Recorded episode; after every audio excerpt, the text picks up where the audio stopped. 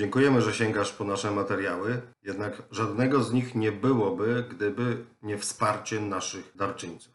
Zostań jednym z nich, żeby pomagać nam tworzyć dalej wartościowe treści. Dziękuję. Bartłomiej Radziejewski. 14 kwietnia 2023 roku wydarzy się zdarzenie bez precedensu, przynajmniej w ostatnich dekadach. Indie staną się najludniejszym państwem świata. Yy, Według, oczywiście jest to symulacja, ale wskazująca, że właśnie 14 kwietnia Indie wyprzedzą dotychczasowego hegemona w dziedzinie demograficznej yy, Chiny pod względem liczby ludności mieszkańców. Kilkadziesiąt lat temu w świecie, który większość z nas poznała, y, czy w dzieciństwie, czy nawet przez dużą część dorosłego życia, byłoby to wydarzenie historyczne. Mówilibyśmy o potężnej zmianie, jaka zachodzi. Dzisiaj to przechodzi trochę bez, bez, bez głębszej refleksji, ale druga liczba, która być może na to wpływa.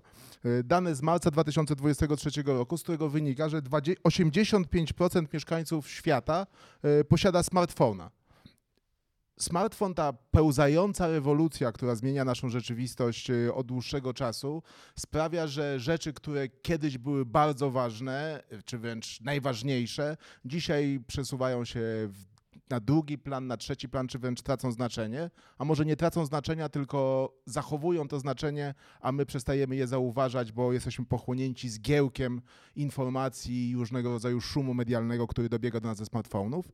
Ja się nazywam Agaton Koziński, mam zaszczyt poprowadzić debatę, jak rewolucja cyfrowa zmienia świat.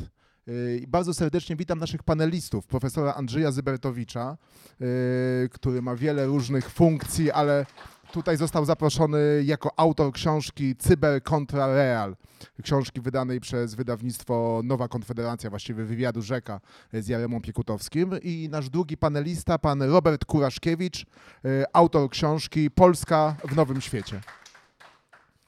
Y, Szanowni panowie, y, zacznę w takim razie od pytania ogólnego, może skierowanego do profesora Zybertowicza. Gdzie tkwią klucze do władzy we współczesnym świecie? W cuber rzeczywistości czy w świecie realnym? Obawiam się, że jak zwykle to pytanie jest źle postawione, jeśli będziemy je rozumieli jako alternatywę rozłączną.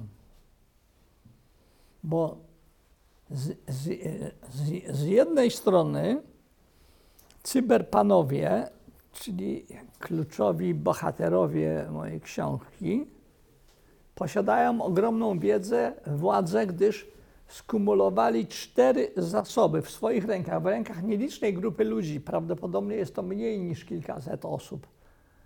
Licząc z, z głównymi udziałowcami największych big techów, e, skumulowali takie zasoby w nielicznych rękach, jak to nigdy nie było w dziejach ludzkości. Cztery podstawowe zasoby: bogactwo, wiedza, wpływ i władza. Oni mo- mogą z dnia na dzień zmodyfikować ludzkie wyobrażenia na temat kluczowych procesów, zarządzając algorytmami, że pewne informacje będą wypromowane jako oczywiste, a pewne zepchnięte w cień, a inne traktowane jako syndrom niestabilności psychicznej. Wprawdzie można by powiedzieć, że amerykańska NSA, National Security Agency, największa instytucja e, wywiadu elektronicznego, prawdopodobnie dysponująca największymi na świecie bazami danych w jednej instytucji, ma porównywalny czy większy obszar wiedzy. Może nawet na pewnych polach mają lepsze algorytmy, ale, ale to jest instytucja podległa prawu amerykańskiemu i, i, i kompleksowo nikt tam nie jest w stanie w ciągu jednego dnia modyfikować zachowań miliardów ludzi. A jak potrafią władcy big techów? Czyli z tego punktu widzenia oni się wydają bardzo potężni, ale nie dysponują przemocą kinetyczną. Dysponują różnymi formami przemocy strukturalnej, informacyjnej, symbolicznej. Zawsze może przyjść FBI i, i, i, i im od, odciąć prąd. Mogę sobie wyobrazić, że grupa sabotażowo-uderzeniowa ich podwodne e, farmy serwerów e, wysadzi, tak jak Nord Stream wysadzono. Więc stara, klasyczna, dobra władza, e, dobre instrumenty władzy powiązane z wolą polityczną ciągle są istotne. Gdyby udało się komuś do tej kumulacji tych, tych czterech czynników, bezprecedensowe bogactwo, bezprecedensowe zasoby informacji, z których część ma, ma postać wiedzy, e, połączyć z prywatnymi armiami fizycznymi, nie wiem, czy oni czegoś tam, swojego, swoich Wagnerowców tam w tle nie hodują, z powodów różnych, o których można by osobno mówić, to, to jakiś pakiet kontrolny mogliby mieć. Ale jak na razie y, mogą być jeszcze zbombardowani, skrytobójczo zastrzeleni, otruci i, i, wiedzą, wiedzą to i liczą się z tym. Oczywiście pytanie, jak daleko sięgają ich wpływy, które pan wymienił jako jeden y, z zasobów. Przechodzę do pana Roberta Kureszkiewicza. Pana książka Polska w Nowym Świecie jest bardzo szeroko poprowadzonym, ale niezwykle trafnym obrazem y, współczesnego pola gry geopolitycznej na świecie, zaznaczonymi najważniejszymi punktami y, na tej geopolitycznej mapie i osadzeniem y, w tych realiach sytuacji Polski. Ale pan właśnie trzymał się twardych reguł geo, geo, geopolitycznych. Wracając do tematu, który zarysował nam wstępnie profesor Zybertowicz, na ile rzeczywistość wirtualna, rewolucja cyfrowa, pan wskazuje ją chociażby, jak bardzo ważna jest, e, w wielu miejscach książki pan ją wprowadza, na ile ona modyfikuje reguły odwiecznej geopolitycznej gry?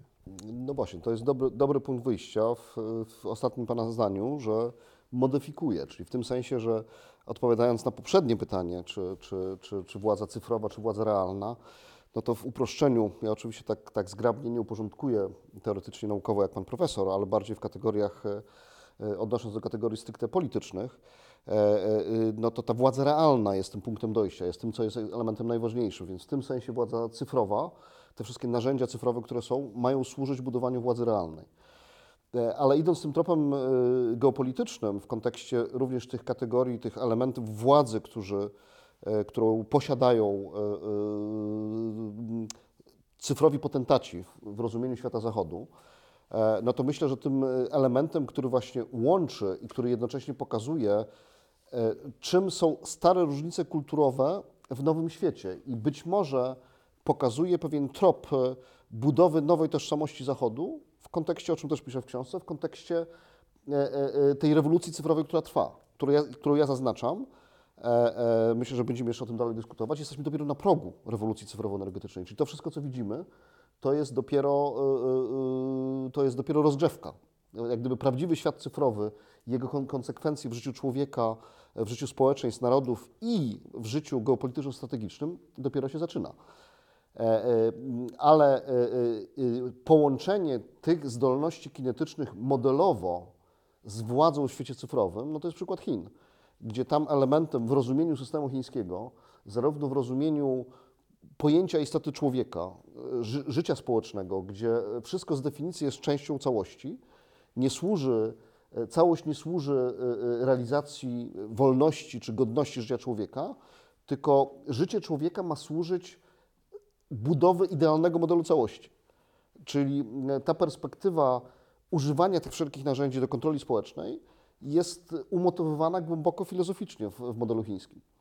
E, I e, e, to jest oczywiście dalej jest pytanie, jak to się ułoży, jakie będą tego konsekwencje, bo to oczywiście wszystko nie jest tak jak w tabelach matematycznych, ale tam ten element połączenia władzy tej finansowej, władzy technologicznej z e, władzą polityczną i również tą, czyli tą częścią e, kinetyczną władzy, powiedzmy, czyli możliwości użycia przemocy e, w, w połączeniu tych, tych elementów, no jest elementem nie tylko bardzo realnym, ale takim, który wydaje mi się, że już dzisiaj jest dzisiaj funkcjonuje. Oczywiście jest pytanie, na ile ten model może się rozprzestrzeniać na inne części świata globu, ale to jest to właśnie zagadnienie i geopolity- geopolityczne, i trochę filozoficzne, bo jednak w tym kontekście cyfrowym te podstawowe zagadnienia, podstawowe pytania na temat człowieka, jego istoty e, i modelu życia społecznego pozostają aktualne. Czyli to nie jest tak, że, że to jest element, który y, jak gdyby unieważnia te podstawowe pytania dotyczące człowieka i w ogóle e, społeczeństwo. No właśnie, na ile pozostaje aktualny? Wracam do profesora Zybertowicza. Cytat z pana książki Cyber contra Real, skądinąd z książki o tyle wartościowej, jeżeli państwo nie mieliście okazji, że gruntowna krytyka tego nieuchronnego cyberpostępu, jaki obserwujemy. Pan profesor tutaj pod tym względem jest bardzo surowym krytykiem y, tych zmian y, w rzeczywistości, jakie usieciowienie, wzrost znaczenia cyberu, wirtualnej rzeczywistości y, wnosi. Pan wskazuje precyzyjnie, używa wręcz sformułowania, że big tech, cyberrzeczywistość hakuje nasze umysły.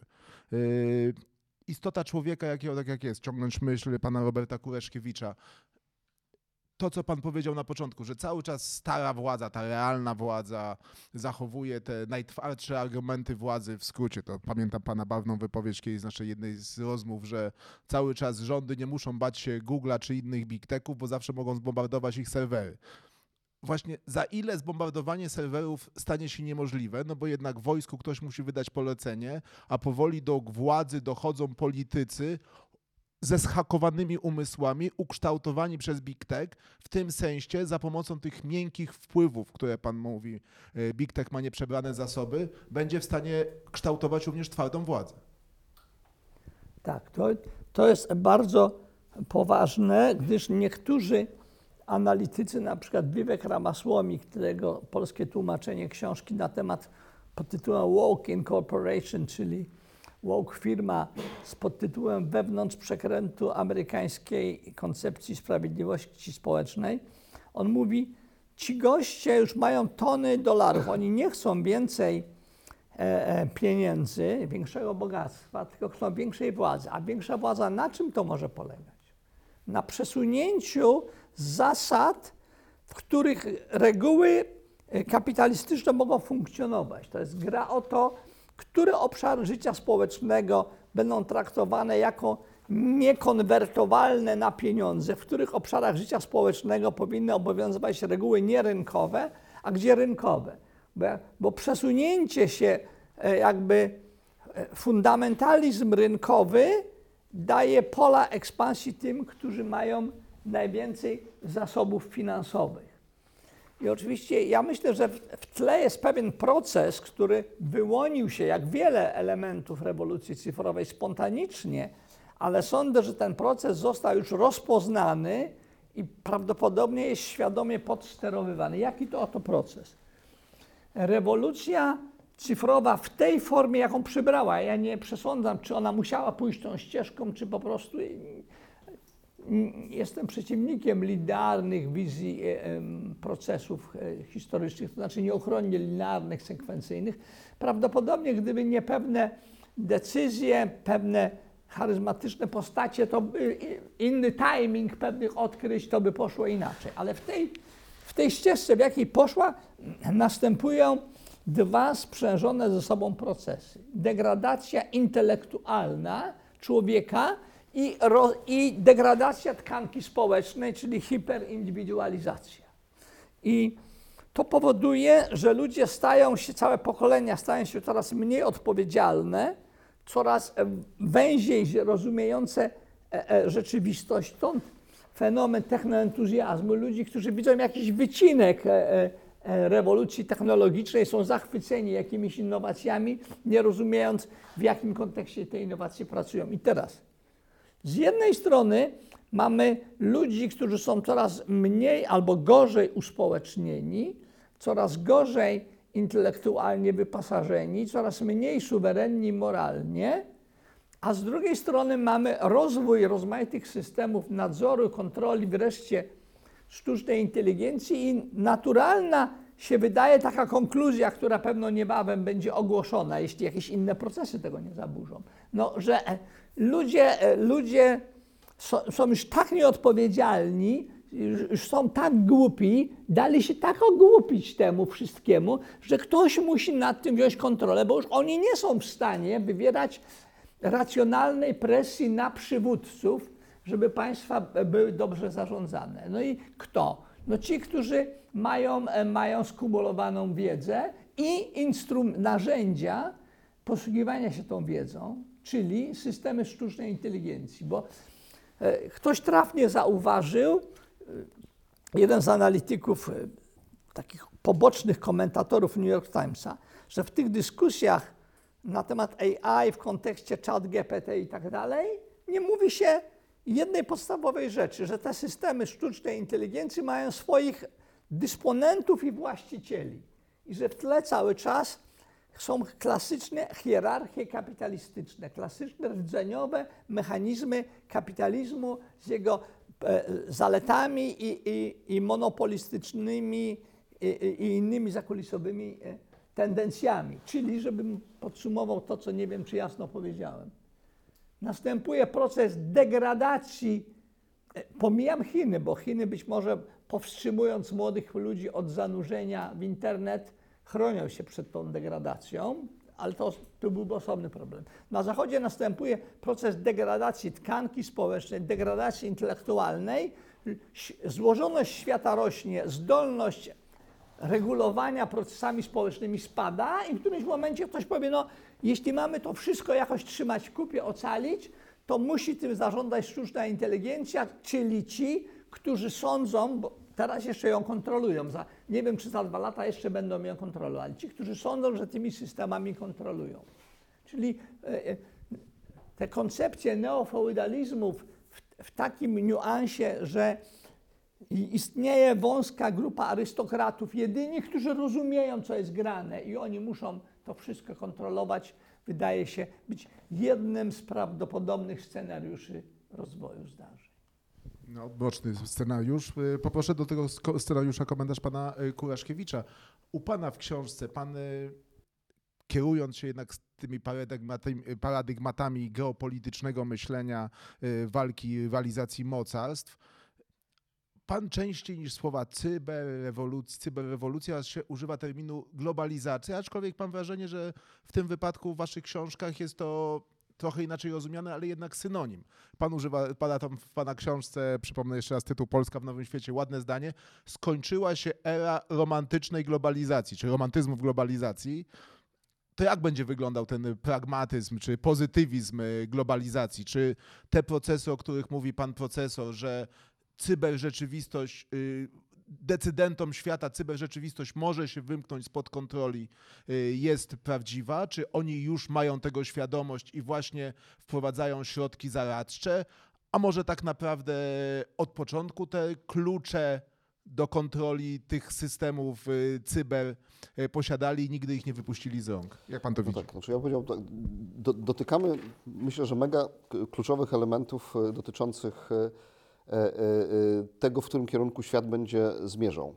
Znaczy, w jakimś sensie niesłychanie trudno to wszystko odnieść, dlatego że, e, że tutaj z natury rzeczy są dwie płaszczyzny dyskusji w kontekście tych konsekwencji rewolucji, którą ja konsekwentnie określam e, rewolucji cyfrowo-energetycznej, bo ten aspekt energetyczny jest częścią tej, e, tej rewolucji, ale to by, być Przepraszam, żeby nie było, y, wyjąłem wątek energetyczny, bo uznałem, że no- jest sektorowy i y, nie będzie tutaj... W moim rozumieniu nie do końca, ale to jest Dobrze, to- trochę inny aspekt. U, Tak, w Pana rozumieniu to nie jest sektorowe. tak. tak, Ale ja szukam, szukam części wspólnych między waszymi książkami. do, tego, do tego może wrócimy. Ale to, to są dwie płaszczyzny. Jedna płaszczyzna to jest płaszczyzna e, e, fi, filozoficzna dotycząca istoty człowieczeństwa i, i życia człowieka e, e, w swoich naturalnych grupach, strukturach społecznych, które się formowały na przestrzeni tysiącleci, powiedzmy. I w jaki sposób kolejny etap, no właśnie, bo ja to traktuję jako kolejny etap e, e, życia człowieka i, i społeczeństw, e, e, e, w jaki sposób te konsekwencje świata cyfrowego, jak mocno zmieniają, że tak powiem, i na ile, bo to jest pytanie otwarte, na ile e, czynią życie człowieka lepszym, a być może doszliśmy do tego momentu. Jak zakładam z, z, z książki pana i z wystąpień pana profesora, to często wynika, że, że doszliśmy do tego momentu, że ta perspektywa ewolucyjnych zmian doszła do takiego poziomu, e, e, że, że globalnie to życie człowieka i życie spo, społeczeństw w ogóle e, przekroczyło ten próg swojego naturalnego, pozytywnego rozwoju, a wyszliśmy w, et, w, etap, już weszliśmy, paradoksalnie dzięki najnowocześniejszym osiągnięciom, czyli, czyli, mm, czyli dzięki osiągnięciom cyfrowym, i życie człowieka, i życie społeczeństw wchodzi w okres regresu, powiedzmy, tak? dzięki tym, e, ty- tym osiągnięciom. Ja z jednej strony z swojej książce jak gdyby patrzę na, nie do końca z tej perspektywy e, e, zagadnień społeczno-cywilizacyjnych, traktując te elementy świata cyfrowego, jego ewolucji i oddziaływania na politykę jako element naturalnych procesów, tak? starając się analizować te kwestie, e, e, na ile to właśnie te kwestie zmieniającego się świata, gdzie ten element cyfrowy jest jednym z głównych elementów, e, e, właśnie odnoszą się do, nazwijmy to, tradycyjnej polityki, czyli również tych elementów geopolitycznych, czyli, czyli nieustającej walki e, o prestiż, o władzę między strukturami państwowymi, między strukturami ponadpaństwowymi itd. E, I, i, w tym aspekcie wi, wi, widziałem, bo napisałem tą książkę jeszcze przed wybuchem wojny, ona się ukazała w listopadzie roku dwu- d- d- d- 2021. Gdzie, stąd ten właśnie tytuł, bo też pamiętam rozmowę z Bartkiem Radziejewskim z Nowej Konfederacji, kiedy, kiedy był taki trochę zdziwiony, jak nowy świat przeżyjemy w czasach międzyepoki, mamy taką serię nawet i tak dalej, czy to, jest, czy to nie jest za daleko i tak dalej. Tak?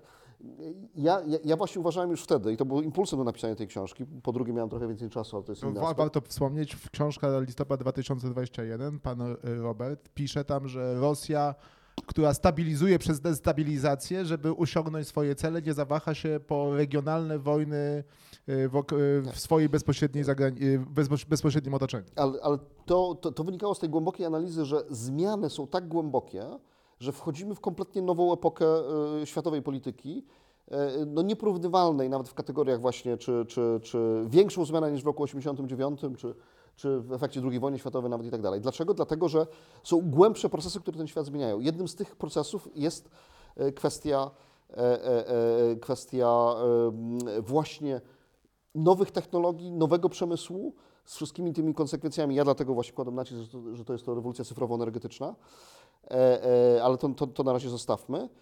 Mm, e, I w tym sensie właśnie, tu, tu się powtórzę, ale wraca też ta dyskusja i być może to jest, ja, ja szukam paradoksalnie nadziei w pewnych elementach, tak? bo być może ten element e, e, e, e, innego odnajdywania się człowieka i patrzenia na człowieka w tym świecie cyfrowym, no być może da, da jakąś perspektywę człowie- człowiekowi Zachodu z jego pojęciem e, godności wynikającej wprost z chrześcijaństwa, e, czy- czyli, czyli ta, ta, ta, ta różnica w tym świecie cyfrowym jest ciągle to, co mówiłem wcześniej w kont- kontekście Chin, e, gdzie z definicji e, e, wpasowuje się człowieka jako element całości, że tak powiem, że punktem dojścia, patrzenia na człowieka jest to, żeby on był elementem harmonijnej całości. Ten element wolności jest inaczej tam patrzany, inaczej widziany e, niż w kulturze Zachodu. Więc jak gdyby paradoksalnie w, tej, w tym świecie cyfrowym, e, e, e, gdyby spojrzeć głębiej na to, te perspektywy różnic cywilizacyjnych e, e, można je znowu dostrzec. Ja z drugiej strony nie podchodzę ani pesymistycznie, ani optymistycznie, e, e, traktując te zmiany jako element e, ciągu pewnych zmian, które w życiu człowieka, cywilizacji ciągle następują. One się przekładają na e, zmiany geopolityczne, chociażby właśnie w takiej perspektywie, że e, e, musimy skończyć, bo ciągle to tkwi w nas, z europoce- europocentryzmem. Dzisiaj Europa i nasze, e, i patrzenie również na Polskę w Europie i na pozycję Polski w świecie globalnym e, e, e, e, jest już błędne. Tak? No nie, nie, świat nie jest europocentryczny. Jesteśmy jedną z ofert, która e, nawet nie jest traktowana jako najważniejsza, najpoważniejsza e, w, w, w kulturze, w cywilizacji, w polityce, w świecie, e, w świecie polityki w ogóle i tak dalej. Tak? To jest paradoksalnie, może powiedzieć, trywialne e, stwierdzenie, ale za które pociąga za sobą daleko idące wielowymiarowe wnioski. Z jednej strony właśnie być może to pozwoli Europie za jakiś czas wrócić do przemyślenia swojej perspektywy e, cywilizacyjnej, e, e, zmieni podejście chociażby do, do ery postkolonialnej, powiedzmy, bo, bo, bo to, to, to też ten aspekt w kontekście wojny chociażby to widać, tak? Kiedy, e, kiedy Europa, zwłaszcza zachodnia, ona dominowała, ona żyła w tym cieniu kompleksu kolonialnego, e, no dzisiaj perspektywa podejścia do wojny na Ukrainie może się pozwolić Europie z tego kompleksu wyzbyć, tak? kiedy inne kraje brutalnie, e, bo to trzeba tak nazwać, brutalnie realizują swoją perspektywę brutalnego interesu bez oglądania się na jakąkolwiek perspektywę e, e, wartości. Tak? No to, to, to, to jest ten aspekt. No, być może odszedłem od, od zagadnienia, tak? ale właśnie wracając. e, Era romantycznej globalizacji się już skończyła, nie kończy. Ja to za, zamiennie używam globalizacji romantycznej bądź kosztowej.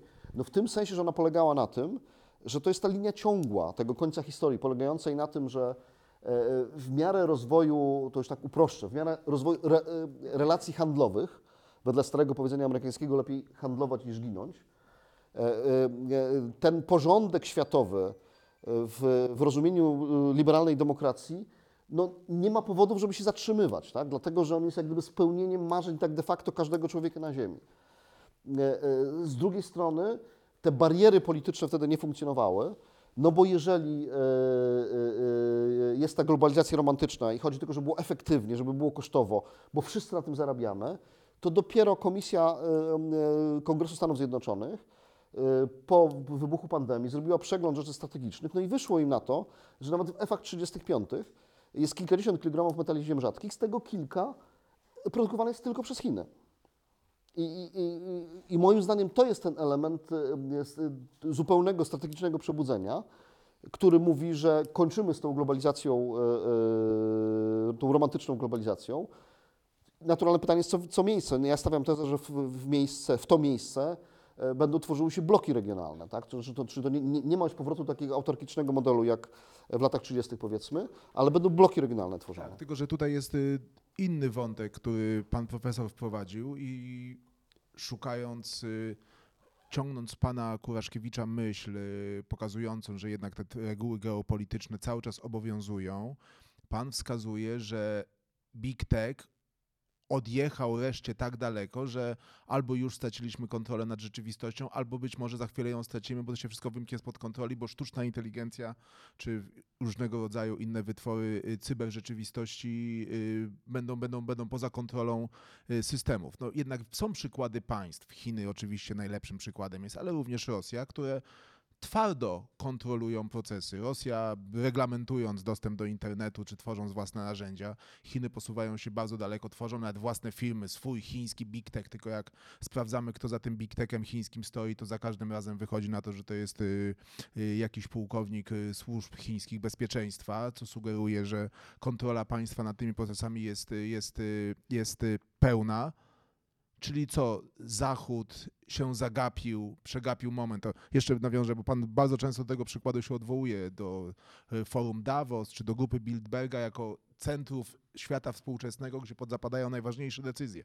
W Davos właśnie wydarzyła się rzecz y, historyczna, to kilka lat temu wprawdzie, ale jednak moim zdaniem bardzo ważna. Przyjechał przywódca chiński Xi Jinping i zaapelował, utrzymajmy reguły globalizacji i wolnego handlu na całym świecie tak długo jak się da i jeszcze je wzmacniajmy.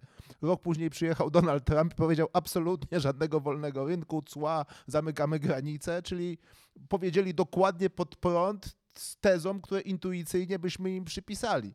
Co najlepiej pokazuje, że do tej współczesnej rywalizacji Chiny są lepiej przygotowane, bo kontrolują narzędzia, które niesie są globalizacja, a Ameryka jakby nie była. Czyli ja się, przegrywamy jako Chin, Zachód? Nie, nie, niekoniecznie, bo pamiętam ten fragment rozważań na temat Chin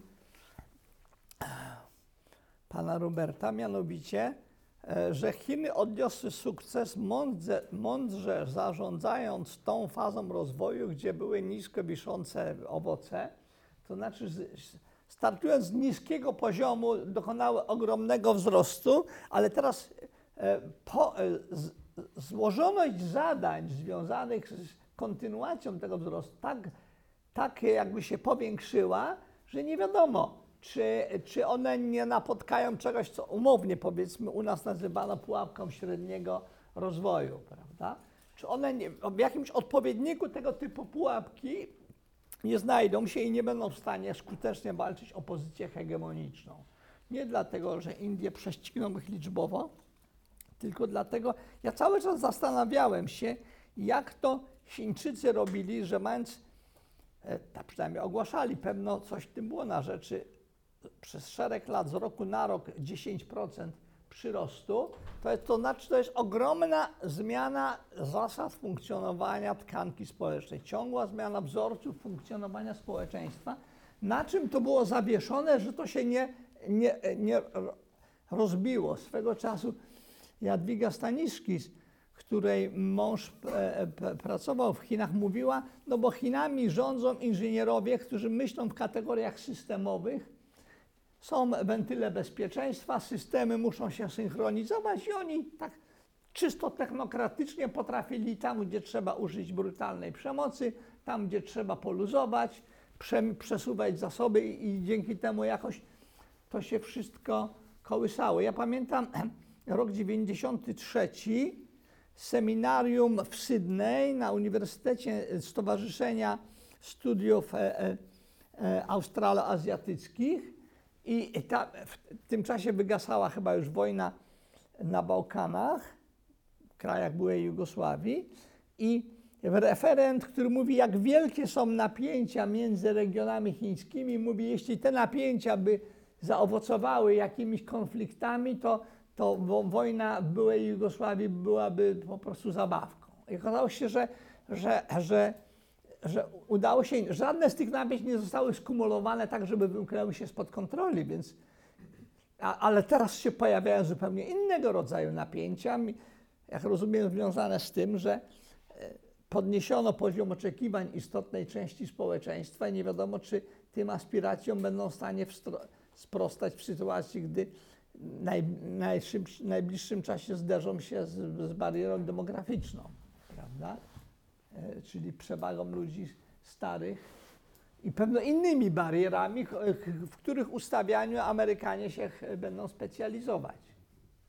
Więc ja nie wiem, czy, czy nie będzie tak, e, że ten, ten chiński smog, który się wydawał taki sprawny, jednak zgodnie z, z naturalnymi ograniczeniami systemów i ludzkich kompetencji nie, nie będzie musiał Nie, nie. wiele energii poświęcać rozwiązywaniem spraw A wewnętrznych. jeśli mogę, sekundę pan pozwoli, y, jeszcze do, do, do, dociągnę, bo tu bardziej zapytałem o troszkę inną kwestię, że to, co pan zarysował we wcześniejszej kwestii, że my, w sensie domyśle świat zachodni, tracimy kontrolę nad cyber, nad, y, nad, nad, nad cyberrzeczywistością, w sensie my jako... Demokratyczne władze. Tak, demokratyczne władze. My jako demokratyczne władze, czy nasi pomazańcy, a w Chinach jednak nigdy na to nie pozwolono, żeby, żeby pozór poluzowania w tych kwestiach. Czy Tak, ale to, to jest, na ile ta przewaga jest ulotna, a na ile realna? na pytanie, na ile e, wzięcie do porządku Jacka Ma i paru innych oligarchów i wprowadzenie pewnych reguł, e, którym musi sprostać Big Tech chiński, nie obniży potencjału innowacji. Ten problem był przez analityków, na przykład The postawiony zaraz jak te regulacje narzucono, czy, czy podetną źródła rozwoju y, y, w wyścigu konkurencyjnym wschód-zachód, czy nie. Ja- Jak rozumiem, jeszcze nie ma odpowiedzi na to pytanie. To jest z tego, co ja mam, moje doświadczenia chińskie. Byłem dwa razy w Chinach, no krótko, bo krótko, ale zdążyłem poznać tamtejsze narzędzia internetowe. One są gorsze niż te, które korzystamy tutaj w Europie, ale działają. A z drugiej strony mają tak wielki rynek wewnętrzny, 1,3 czy 4 miliarda e, ludzi, nie mający do wyboru niczego innego niż średnio skuteczną lokalną prze, przeszukiwarkę. Dalej to jest ogromna potęga, na której można budować, cho- zachowując taki monopol. To nie jest właśnie przewaga, Ale która mnie daje brakuje w całej tej rozmowie, gdy ja poprosiłem, spytałem się pana Roberta, czy by nie, nie, nie zrobić dyskusji au, dwóch autorów książek, książek e, Nowej Konfederacji, to myślałem nie tyle, co jest wspólne w tych książkach, tylko co jest komplementarne, bo, bo ja pozwolę sobie takie spojrzenie zaproponować. Moja książka w mojej ocenie jest diagnozą pewnej kondycji sytuacji cywilizacyjnej. I Polska nie została tam postawiona w środku, w centrum uwagi. Ja nie doszedłem e, do, do fazy postawienia sobie najważniejszego dla nas wszystkich, przynajmniej dla tych, którzy się z Polską czują związani, najważniejszego dla nas pytania, jak przyjąwszy, że pewna diagnoza cywilizacyjna, czy geopolityczna, czy cyfrowa, czy klasyczna, czy jest adekwatna, mamy rekonfigurować zasoby, którymi dysponuje Polska, żeby nam się powodziło. Tak? I z tego punktu widzenia ja czytałem książkę e, Polska w Nowym Świecie pod kątem jakby y, za- zadając sobie trzy pytania. Po pierwsze, czy zmapowanie sytuacji globalnej w tej książce zarysowanej je, jest adekwatne? Po drugie, czy e, zmapowanie zadań, bo eksplicitnie pan Robert pewne rekomendacje dla polskiej polityki formułuje, je- jest poprawne, zwłaszcza czytałem to z tą świadomością, książka powstała przed, tę, przed tą wojną.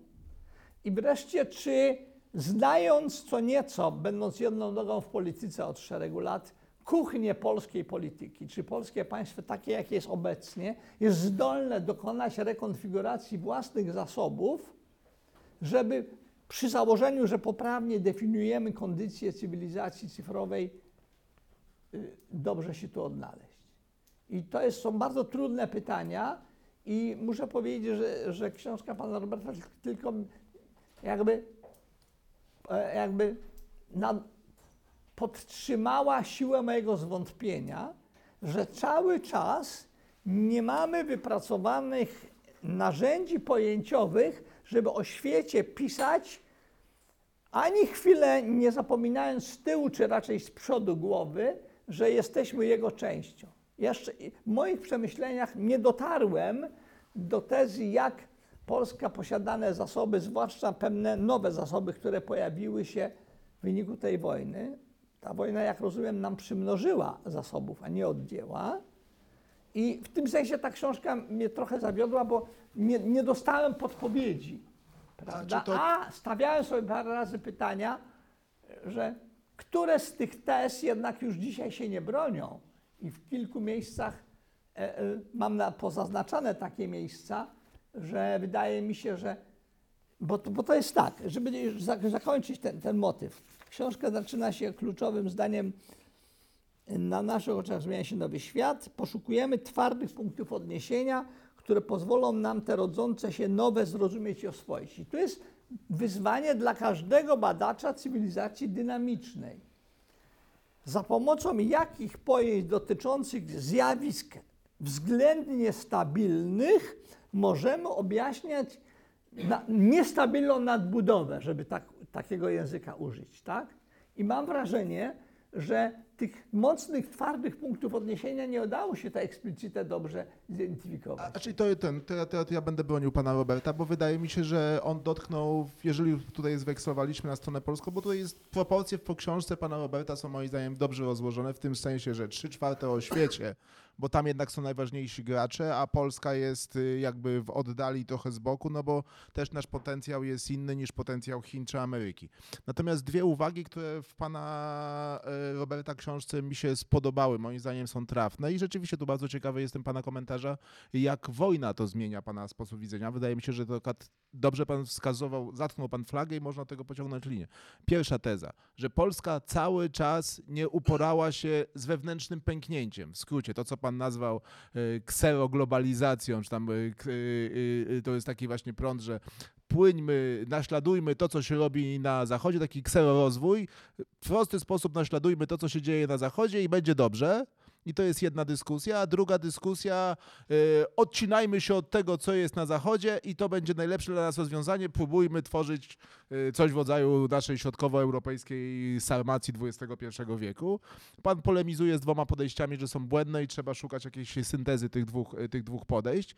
I wskazując, że nasz potencjał jest ograniczony, pokazuje bardzo precyzyjnie, że na przykład polską specjalnością, czymś, co możemy wykazać się właśnie no- no- nowe narzędzia, które się pojawiają na świecie, na przykład rozwijać nasze dziedziny cyberbezpieczeństwa.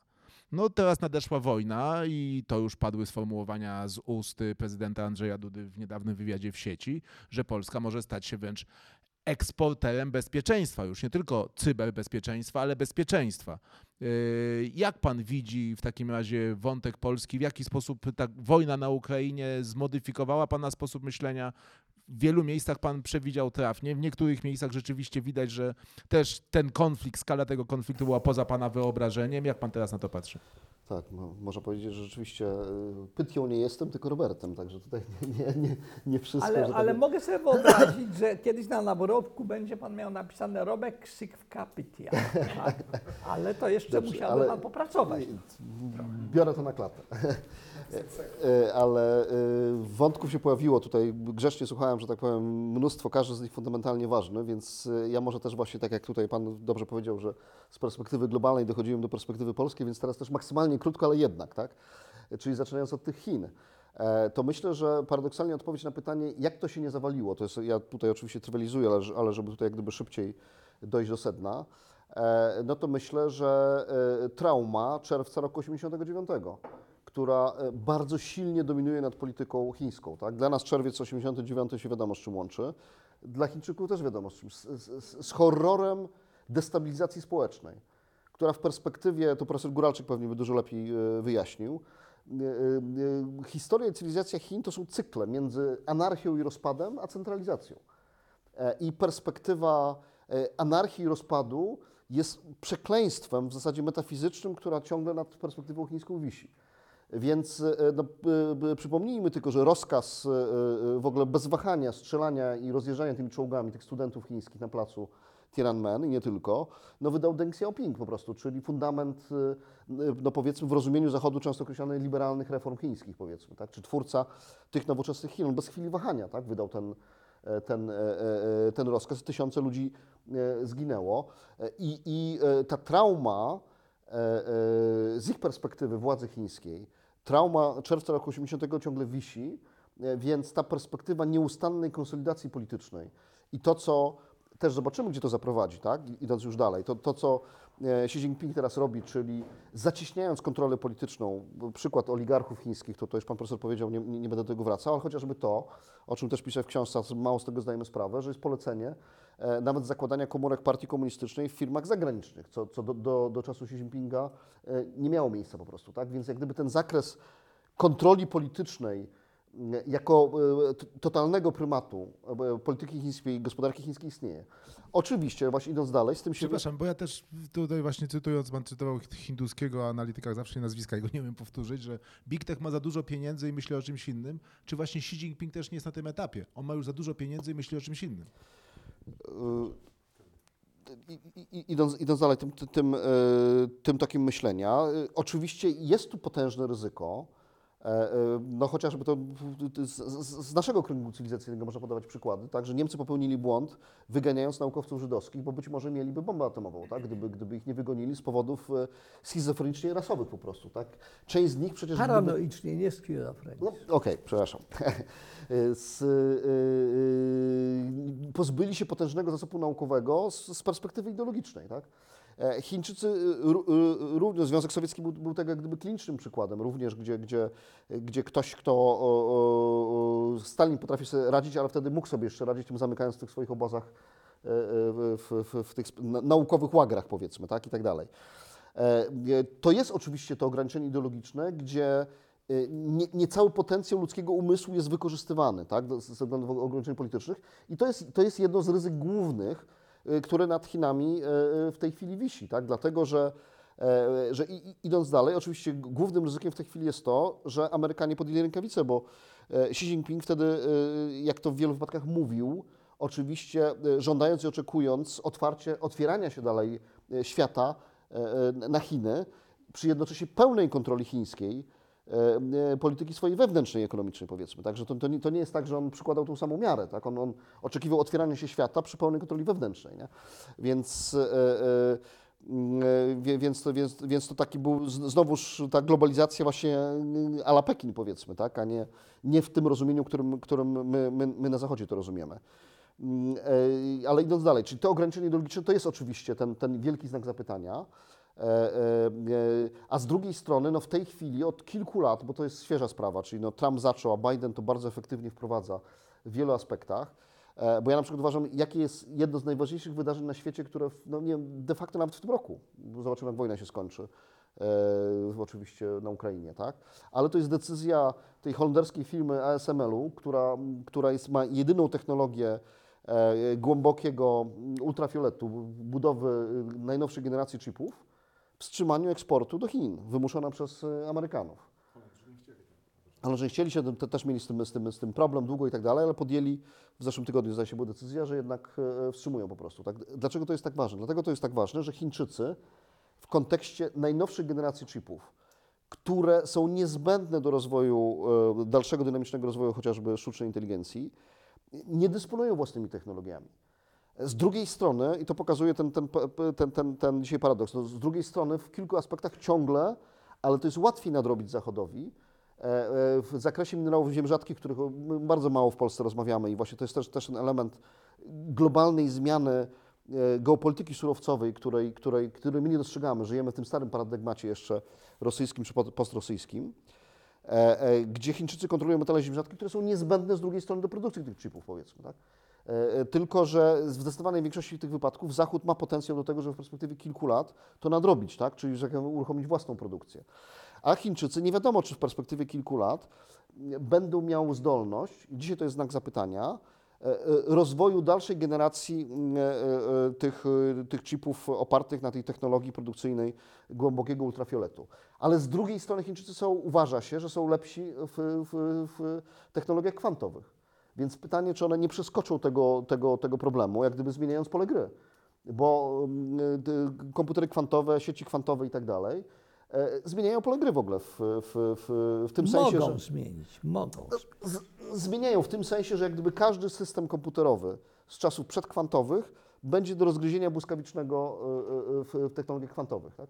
O czym tutaj właśnie między innymi Kissinger pisze w zakresie jak gdyby by- bez, bezpieczeństwa i tak dalej, tak? Że, e, że Chińczycy w tej chwili zbierają, e, e, uważa się, że zbierają na przykład e, zasoby ze świata zachodu cyfrowe, komunikacje, jak gdyby dokumenty i tak dalej, zaszyfrowane z perspektywy, e, czego nie są w stanie dzisiaj zrobić, że jeżeli dokonają przełom- przełomu kwantowego, to to odgrzebią, że tak powiem, i, rozbudują swoją wiedzę po prostu, tak?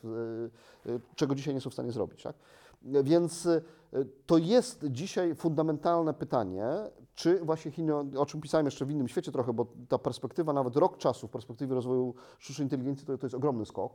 E, I, I tych rzeczy, które się wokół tego e, dzieją, chociażby z perspektywy decyzji amerykańskich podjęcia walki z Chińczykami, bo to już nie konkurencji, ale walki, mm, e, metodami oczywiście niemilitarnymi. Ale rzeczywiście to jest to pytanie, czy Chiny mają tą zdolność inkrementalną rozwoju, bo dzisiaj w kilku aspektach, A po polsku jakby to brzmiało? no, w, samodzielnego rozwoju, samodzielnego rozwoju, samodzielnego wewnętrznego rozwoju, tak, że czy, czy, czy, czy, czy właśnie mają tą zdolność korzystania z sił wewnętrznych tylko i wyłącznie, rozwoju tych technologii, kiedy będą odcięte od y, dostępu do technologii zewnętrznych, tak, korzystania z nich. E, Dzisiaj jest tak, i to, i to była perspektywa e, właśnie tego przebudzenia się po stronie Zachodu, bo to, ja podaję ten symbol, bo, bo o tym książce, bo to jest jak gdyby myślę, że do, do łatwego zrozumienia też powszechnie, tak? no, że najnowsze, e, najnowsze dziecko systemów militarnych amerykańskich, czy F-35, no nie poleci bez e, części surowców, które są importowane z Chin. One są dalej importowane jeszcze. E, Zobaczymy, jak to się potoczy za, za, za lat kilka, ale myślę, że, że Amerykanie w tym czasie jednak zdobędą możliwość e, ty- tych surowców. Na, na Marsie to, to jeszcze nie tak szybko, tak? ale chociażby na Marsie w kontekście chociażby e, ciemnej strony Księżyca, co Chińczycy pierwsi zrobili, nikt nie jest w stanie tego jeszcze zrobić po prostu. Amerykanie się do tego przymierzają, zobaczymy, czy w perspektywie roku dwóch, trzech, czy to zrobią. E, e, więc tu, tu są pytania otwarte, bo nie można jednoznacznie stwierdzić, że przy tych ograniczeniach chińskich oni nie będą I w stanie znowu tego zrobić. Polska nam zniknęła z radaru. Okej, ale to powiedziałem, bo tematy były poruszone, chciałem się odnieść, więc żeby nie było... No, ale, mo- Okej. E, no, ale bez ultragłębokiego fioletu nie zrozumiemy kondycji Polski w obliczu tego wszystkiego? W, w jakimś sensie tak, w jakim sensie? E, e, e, idąc dalej, oczywiście tak, no, ale i tak już właśnie za, zam- zamierzałem przejść, odnosząc się do tych wątków e, globalnych. Myślę, że się, że się tam do nich e, odniosłem, aczkolwiek oczywiście ka, każdy z nich jeszcze można, można drążyć. No, w jakim sensie? To w tym sensie, że to pokazuje nowy układ gry światowej. Pokazuje element e, e, tego, co ja konsekwentnie twierdzę, że wbrew temu, że Amerykanów, Amerykanów mamy w tej chwili e, za drzwiami, Amerykanie będą z tej Europy się wycofywać. Że ten model konieczności zadbania o pozycję polską w perspektywie tej pozycji regionalnej, a naszym regionem jest Europa, i konieczności wykorzystania tego momentu, który właśnie mamy, oczywiście, bo te zasoby nasze są dzisiaj, e, e, e, posługując się językiem pana profesora, się zwiększyły. E, e, tylko pytanie, czy my je potrafimy wykorzystywać i w jakim kierunku będziemy chcieli je wykorzystywać. Tak? Ja stawiam tezę, e, że de facto mo- no, w jakimś sensie nawet jedynym, bo w każdym innym aspekcie one będą słabo wykorzystane, gdzie realnie potrafimy tą swoją, potrafilibyśmy tą po- pozycję zbudować, to jest perspektywa europejska.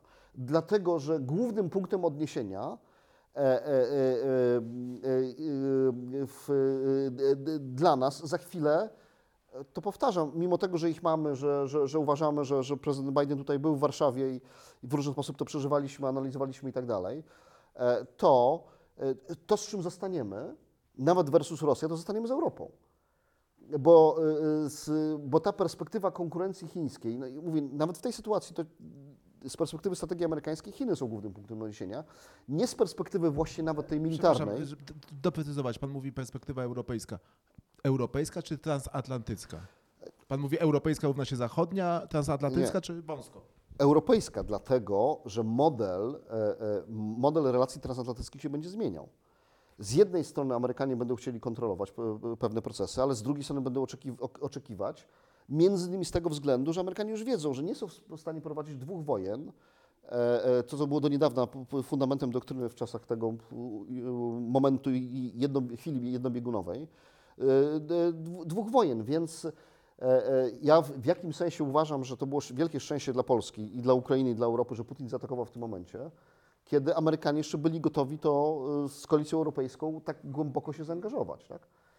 Mm, e, e, Ale ale, y, ale z drugiej strony to jest, to, to jest nawet ta perspektywa głębokiego ultrafioletu pokazuje, że, już tak się tego, tego, tego czepiając, że nawet nie te kwestie stricte militarne e, są w tej chwili w ramach realnej konkurencji najważniejsze. Nie?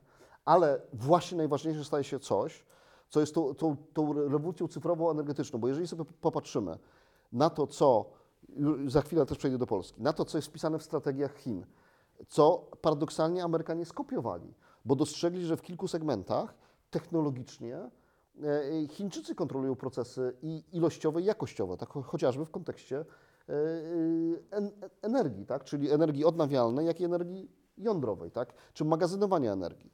To jest ten element, a, a z drugiej strony e, XXI wiek będzie wiekiem elektryczności. Tak? No my, my w tej chwili i cyfrowo, i elektrycznie będziemy uzależnieni w taki sposób, że, że człowiek rzeczywiście e, e, za te 10-20 lat, jak trafi w cudzysłowie do lasu, czy w ogóle wyjdzie na ulicę, nie będzie miał smartfona, który musi być naładowany, to w ogóle nie będzie w stanie e, funkcjonować. Systemy, nie wiem, pocisk nie wyleci, za przeproszeniem, z chałbicy nawet, już nie mówiąc o, o, o innych systemach, kiedy nie będzie podłączony do sieci, która tym pociskiem posteruje, tak? bo Amerykanie, Ukraińcy mają w tej chwili przewagę, mają to precyzyjne pociski, które są sterowane GPS-owo, powiedzmy, czyli są podpi- podpięte do sieci. Ta sieć jest podpięta do prądu. Nie chcę się dalej nakręcać, ale to wszystko jest tym elementem, który ten nowy świat e, tworzy. Nie? I, e, Jest pan pod napięciem. no, dokładnie tak.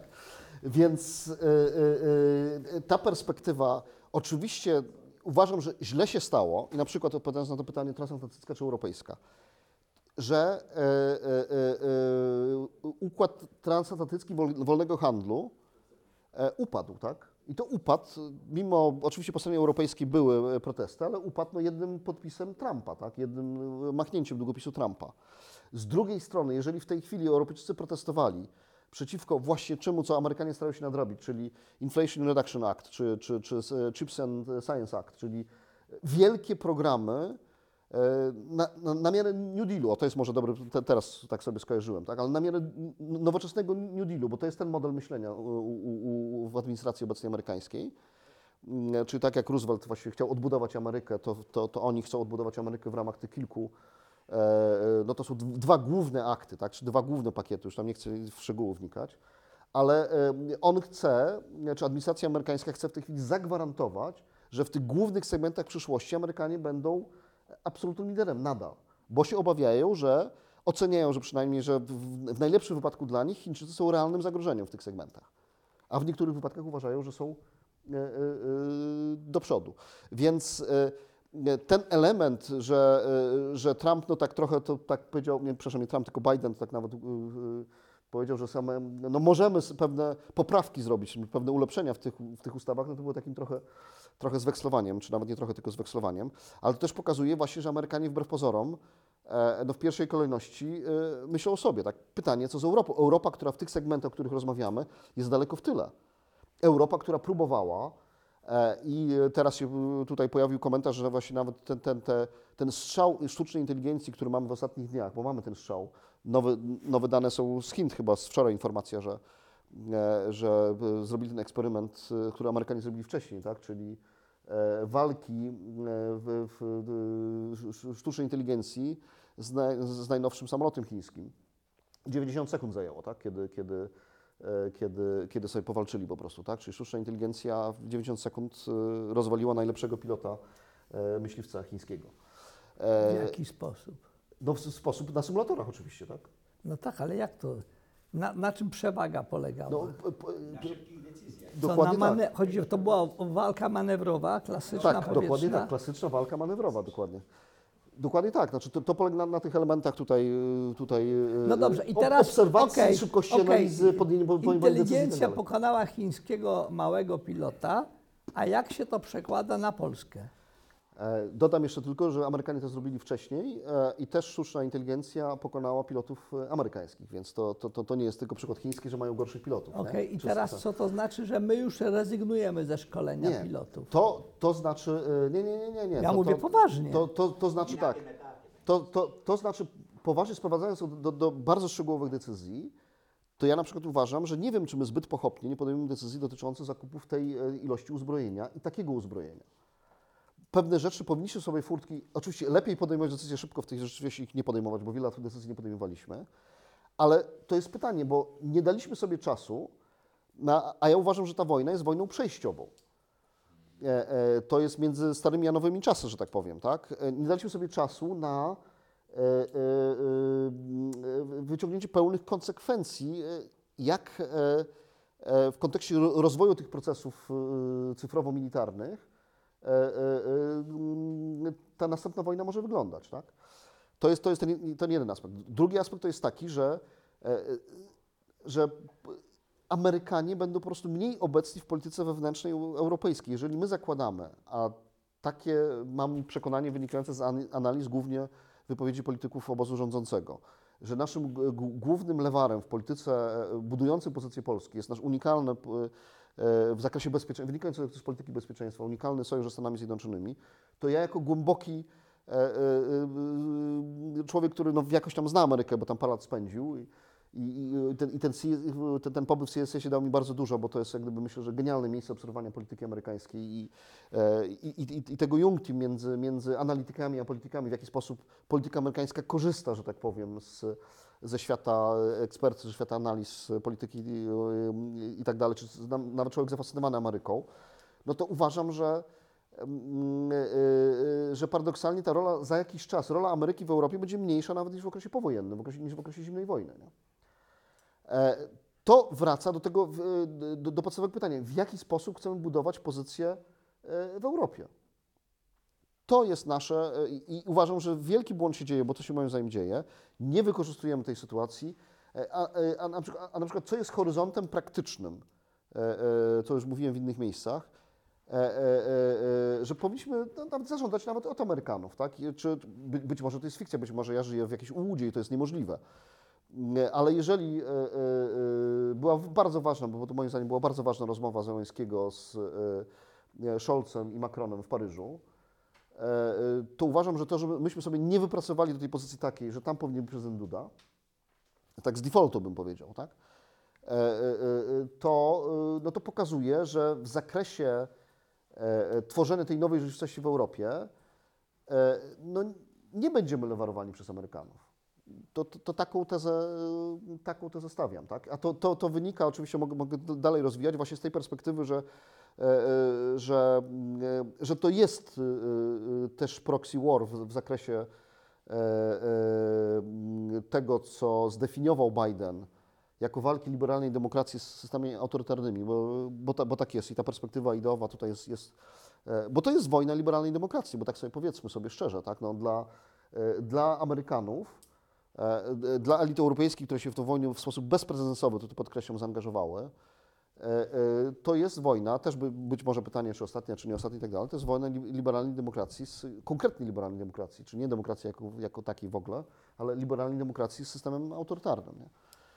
No to jest definicja Bidena. Y, Minęła nam godzina naszej dyskusji. Gdybyście Państwo również mieli jakieś pytania, komentarze do tego, co padło, albo byście chcieli, żeby padło, to oczywiście serdecznie zapraszamy do włączenia się. Y, A ja do pana profesora jeszcze pociągnę jeden wątek. Wróćmy do tego wymiaru, bo tu skręciliśmy rzeczywiście w twardo w kategorię geopolitycznej rywalizacji y, państw i mocarstw o zasoby, a ten wątek cyber. Chodzi mi po głowie też debata tu skądinąd przy okazji książki wydanej przez Nową Konfederację y, Konektografia y, y, y, Paraga Kany. on jest, jakby pan go określił, technoentuzjastą czy, techn- y, czy globaloentuzjastą y, na sterydach wręcz. Y, On jest przekonany, że globalizacja trwa, jest to proces nieubłagany i wszystko dąży w kierunku przełamywania kolejnych granic, uniformizacji naszego modelu życia i to jest tylko i wyłącznie kwestia czasu. On pisze, pan mówi, że nie jest zwolennikiem historii rozwoju linearnego, on jest zwolennikiem rozwoju linearnego. Świat idzie w kierunku globalizacji, natomiast wskazał na jeden aspekt. Nigdy nie będzie globalnej demokracji. Yy, czy według pana ten cyber, to się rymuje z tym, co pan powiedział wcześniej, że właśnie sztuczna inteligencja za jakiś czas pozbawi ludzi możliwości, czy decydenci o sztucznej inteligencji pozbawią ludzi, to jest największe zagrożenie, jakie niesie ze sobą yy, cyfrowa rewolucja, czy jednak bardziej trzeba myśleć w kategoriach twardych zagrożeń, że teraz Holandia odmówiła Chinom sprzedaży w e, produkcji głębokiego fioletu, ale jak Rosja wygra na Ukrainie, to Holandia zorientuje się, że jednak siła jest po innej stronie i już tym Chinom tą zgodę wyda. Ja, jak usłyszałem tę myśl Parangakany, to przypomniało mi się e, spostrzeżenie Józefa Ratzingera, bodaj sprzed 15 lat, e, w jednej z analiz powiedział, nie będzie nigdy świata, który byłby w pełni opanowany przez myślenie teistyczne, ani nie będzie świata, który byłby w pełni opanowany przez myślenie racjonalistyczne. Zawsze, zawsze e, jakby systemy ustrojowe czy formy kulturowe bliższe duchowości metafizycznej będą współistniały obok, obok systemów e, z- bazujących na jakiejś duchowości, e, czy quasi duchowości laickiej. E, Więc e, jakby to znaczy jakby pełna redukcja jest niemożliwa, ale w przypadku Kany ja bym spytał, zgodzę się z nim w 100%, że nie będzie nigdy ładu globalnego, który będzie w pełni demokratyczny, a nie znam jego książki, a czy on wyklucza także tezę z drugiej strony medalu, że nie będzie ładu, który będzie w pełni autorytarny, też to wyklucza? Znaczy, on tego nie powiedział, aczkolwiek między wierszami właśnie tak to odebrałem, dlatego mi się zrymowało Ale z co, pana... że wierzy w to, że nigdy autorytaryzm on- nie zatriumfuje, czy wprost przeciwnie? nie, nie, nie sformułował wprost tej myśli, z tego co kojarzę w książce też jej nie ma, aczkolwiek tak trochę to między wierszami przeczytałem, że skoro zmierzamy w kierunku uniformizacji, którą wymusza globalizacja, a globalna e, demokracja nie jest możliwa, no, a będziemy żyli w globalnej, wspólnej strukturze, no to co jest e, alternatywą ja bez do kłopotu e, potrafię demokracji? sobie wyobrazić, przynajmniej na pierwszy rzut oka, realistyczny scenariusz, że Chińczycy z pozycji hegemona światowego stają się centrum zarządzania światem. Najprostszej wersji. Wszędzie jest 5G z chińskiej technologii zarządzane przez, e, przez, e, wspomagane przez sztuczną inteligencję którejś tam generacji. W każdym kraju są chińscy namiestnicy, którzy pilnują, żeby wszystko szło we właściwą stronę.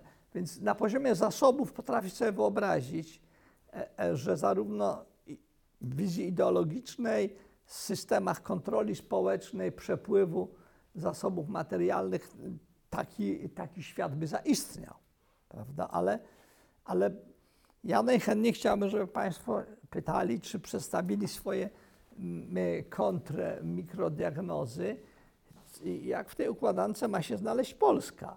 Bo pytanie oczywiście, czy ten kierunek i tempo zakupów zbrojeniowych, które wynika z podjętych już decyzji, a część tych decyzji były podjęte, uwaga, przed tą wojną, przed tą wojną. Nie tylko, nie tylko. Kiedyś być może w pamiętnikach jakby ujawnię te okruszki, które wiem, ale jest masa osób, które wiedzą znacznie więcej. I, I kiedy dokładnie, bo ja wiem dokładnie, jak do mnie w nocy ktoś przyszedł i spytał się, czy prezydent o tym wie tylko. Ja od razu pojechałem do prezydenta. Prezydent akurat został kilka godzin wcześniej powiadomiony, że pewne procesy zostały na poziomie sztabowym podejmowane i uruchamiane.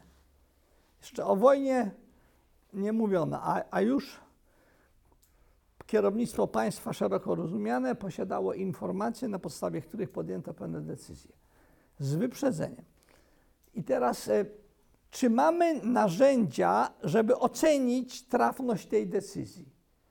Decyzja została podjęta w warunkach wysokiej niepewności. Nie jest sztuka podejmować decyzje polityczne, jak jest wszystko jasne. Tak jest. Ta decyzja została. Nie wiemy, czy w momencie, gdy te zamówienia spłyną, nie nastąpi jakiś postęp technologiczny i ta broń będzie bezużyteczna. Nie możemy tego stuprocentowo wykluczyć. Że komputer kwantowy spowoduje możliwości takiego modelowania pewnych procesów fizycznych, że ten, kto będzie nim dysponował, pozna jakieś nowe prawa przyrody, za pomocą których wygeneruje szybko i w cudzysłowie tanio e, e, nową broń, która będzie dezaktywowała obecne systemy broni. Nie możemy go tego wykluczyć, ale nie możemy, kierując się tym, opóźniać tego procesu. Na razie scenariusz jest, jest taki, jeden ze scenariuszy, opisany w książce Marka Budzisza, Samotność strategiczna Polski, że Ukraina odniesie jakieś sukcesy w tej wojnie i Ro- Rosja w jakimś sensie ją przegrywa. N- Nie określajmy konkretnie, co to znaczy wygrać, przegrać. W razie ją przegrywa, podpisuje jakiś dla siebie w swojej percepcji subiektywnej niekorzystny traktat pokojowy. E, Ukraińcy ogłaszają sukces, Zachód ogłasza sukces, ale Rosja jest upokorzona. I, i w, istocie czas pokoju wykorzystuje w celu rekonsolidacji tego wszystkiego, żeby ponownie nas zaatakować. I w, w tej analizie Budzicza kluczem jest, co jest w tym momencie z Białorusią. Czy my potrafimy odpiąć Białoruś od Putina, bo jeśli nie potrafimy odpiąć, to jak pójdzie kol- kolejny atak po, po przebudowie tego systemu, po jego pełnej szerszej militaryzacji z Kaliningradu, z Białorusi i, i, i z tych terenów Ukrainy, które ewentualnie Rosjanie zachowają, to będzie Polska w bardzo opłakanej sytuacji. Teraz tu jest czynnik czasu. To właśnie. I te decyzje zostają podejmowane z, ze względu na liczenie się także i z takim scenariuszem. On może być mało prawdopodobny, jest przesunięty w czasie oczywiście, bo, bo Rosjanie w krótkim czasie nie są w stanie poważyć się na atak żadnego kraju natowskiego, ale nie wiemy, czy, czy to pewne nabrzmienie muskułów Zachodu, albo ja bym to powiedział może tak, a gdybyście Państwo tak zinterpretowali wizytę prezydenta Bidena, że prezydent Biden przyleciał do Kijowa i Warszawy, bo jego zaplecze oceniło, że sytuacja jest dramatyczna i się wszystko zacznie na dzień sypać, że trzeba było, że wielu przywódców, mm, powiem to, bo na tym spotkaniu było ze 100 osób. Wykład premiera Morawieckiego na Akademii PiSu. Krótko po jego powrocie z konferencji bezpieczeństwa w Monachium. Premier mówi: Jestem po rozmowie z szeregiem przywódców państw Zachodu. Są zmęczeni tą wojną. Nie mają woli podtrzymania i nasilenia wsparcia dla Ukrainy. Ja I- dokładnie w tym duchu zrozumiałem i- też słowa Bidena. I zakończył, I zakończył premier Morawiecki swoje słowa. Jestem umiarkowanym pesymistą co do losów tej wojny.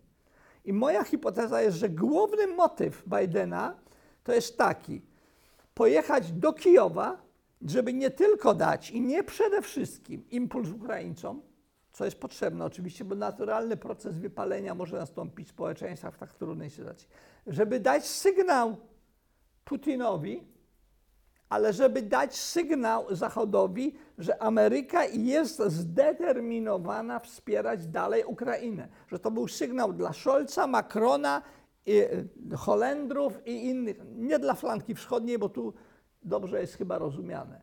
Chociaż poziom zaangażowania Rumunów chyba nie jest satysfakcjonujący w porównaniu do, do potencjału Rumunii i, i krajów bałtyckich. I, te- i teraz e, jeśli tak odczytamy tę wizytę, on przyjeżdża do kraju, który jest kluczowym ogniwem dla sukcesu wsparcia wysiłku ukraińskiego do Polski, tak? Ale wysyła sygnał do ospałego Zachodu. Czyli tu właśnie pociągnę ten wątek. Też dokładnie odebrałem to, jak mówi pan profesor. Dla mnie uderzające jest porównanie tych dwóch wystąpień Joe Bidena. Rok temu teoretycznie też na Zamku Królewskim. Zamknięte, schowane, jego język zamknięty, bardzo oszczędny retorycznie. Spotkanie 2023, otwarte, szeroka publiczność. On mówi jak na wiecu wyborczym. Ta retoryka była całkowicie inna. Rok temu nie wiedział, co się dzieje, teraz wie, co się dzieje i to był przede wszystkim zastrzyk optymizmu i dodanie wiatru, a nie... A Ale, nie... ale pytanie jest, czy ten zastrzyk byłby, czy ta wizyta byłaby potrzebna, gdyby, Naturalne gdyby pozos- kraje NATO należycie wspierały A czy, Ukrainę? a czy dla mnie to jest pytanie, i tu wracam do pana Roberta, bo pan napisał to w swojej książce yy, i przyznam się szczerze, też myślałem, że w poprzedniej wypowiedzi pan się z tej tezy akurat wycofa. A pan ją podtrzymał. I właśnie pytanie, właśnie dlaczego pan ją podtrzymuje? Chodzi mi o to, że ten, y, to pan poświęcił dużo czasu. Pivot na Azję, pivot na Pacyfik Ameryki, że Europa pozostanie, która do tej pory uprawiała jazdę na gapę, to jest pana język cały czas, będzie musiała się samo określić. No jednak ta wojna na Ukrainie pokazuje, że pivot na Pacyfik jest przynajmniej odłożony, że Amerykanie sobie uświadomili, że Europy nie mogą pozostawić, bo chociażby właśnie teraz, ponieważ są tutaj bardzo aktywni, to Holendrzy nie mogli sobie pozwolić na to, żeby współpracować z Chińczykami. Amerykanie byli w stanie na nich to wymusić. Gdy Amerykanów tutaj nie będzie, to Holendrzy będą pracować na rzecz Chińczyków, bo Holendrzy to jest naród kupiecki i podejrzewam, że będzie umiał sobie skalkulować. Stosunkowo bezpieczny, geopolitycznie ulokowany, co też jest w tej sytuacji nie bez znaczenia.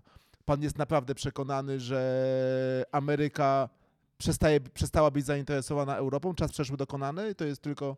No bo tak, to pan po t- takim duchu mówił swoją poprzednią wypowiedź. Mm, e, Tak, tak, że, że że- mo- może nie przestaje być zainteresowana Europą, e, tylko Ameryka nie może sobie pozwolić na brak zainteresowania Europą. Właśnie z, między innymi ten przykład z tą fabryką w Holandii jest najlepszym tego dowodem. ja powiedziałem tak. e, e,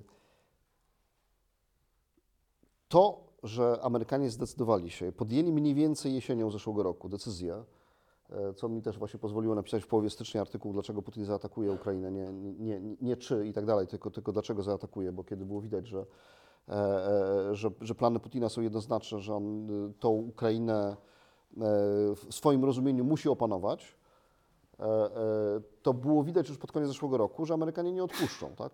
Że podjęli decyzję, że nawet jeżeli dojdzie do, do, do, do, do wojny, e, e, no to Amerykanie Ukrainy nie zostawią, tak?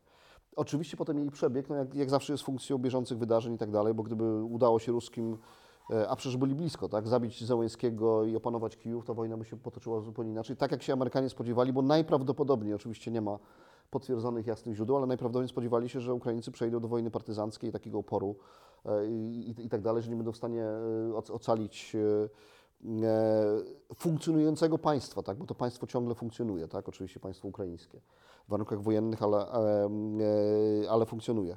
Ale podjęli tę decyzję w sposób jasny i świadomy. Moim zdaniem podjęli tę decyzję również po konsultacjach e, e, z e, głównymi państwami europejskimi.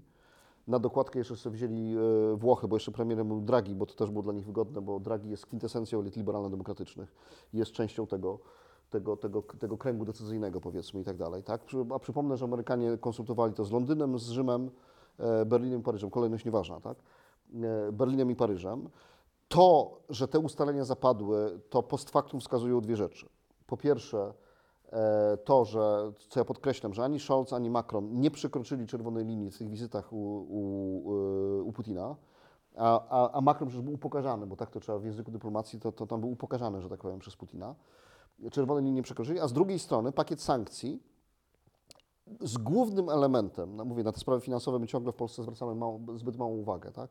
bezprecedensowym przykładem w ogóle w historii, czyli zajęciem e, 300 miliardów euro rezerw e, ba- Banku Rosyjskiego, czegoś, czego Putin się w ogóle nie spodziewał, tak? bo inaczej by...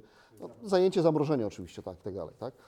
E, e, e, plus inne dodatkowe sankcje i tak dalej. Tego rodzaju sankcje nie byłyby możliwe do podjęcia w ciągu dwóch, trzech dni, tak? a, a przypomnę, że one były ogłoszone kilka dni po wybuchu wojny. Więc ten element, moim zdaniem, uzgodnień, ja, ja stawiam taką tezę, idąc dalej tym, tym, tym, tym, tym tropem, że Amerykanie by tych decyzji o takim stopniu zaangażowania w Europie nie podjęli, gdyby nie mieli gwarancji sojuszu państw europejskich. Czyli mówiąc w skrócie, gdyby się Berlin z Paryżem wtedy wypiął, to Amerykanie by tak daleko nie, za, nie zaryzykowali. Stawiam taką odważną tezę w, w polskich realiach może do, do, do wyśmiania, biorąc pod uwagę napięcia różne i tak dalej. Tak? E, e, e, Między innymi dlatego, że właśnie opinia amerykańska by tego już dzisiaj nie zaakceptowała, a po drugie koszty, gdyby ponosiły same Stany Zjednoczone, to też było nie do zaakceptowania przez politykę amerykańską.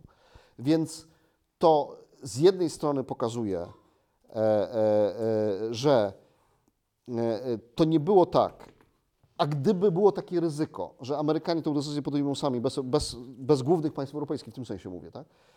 E, e, e, to najprawdopodobniej tej decyzji nie podjęli, stawiam taką tezę. Więc e, tutaj ten, ten, ten, ten, ten element e, mm, uzgodnień na tym poziomie politycznym z państwami europej- europejskimi był, e, był kluczowy. Teraz idąc dalej, odpowiadając prosto na pytanie, bo to jest może wą- wątek poboczny, ale to jest taki, jak ja widzę przebieg wy- wypadków, w, jaki sposób doszło do wojny w kontekście pozycji państw europejskich versus Stany Zjednoczone. Tak?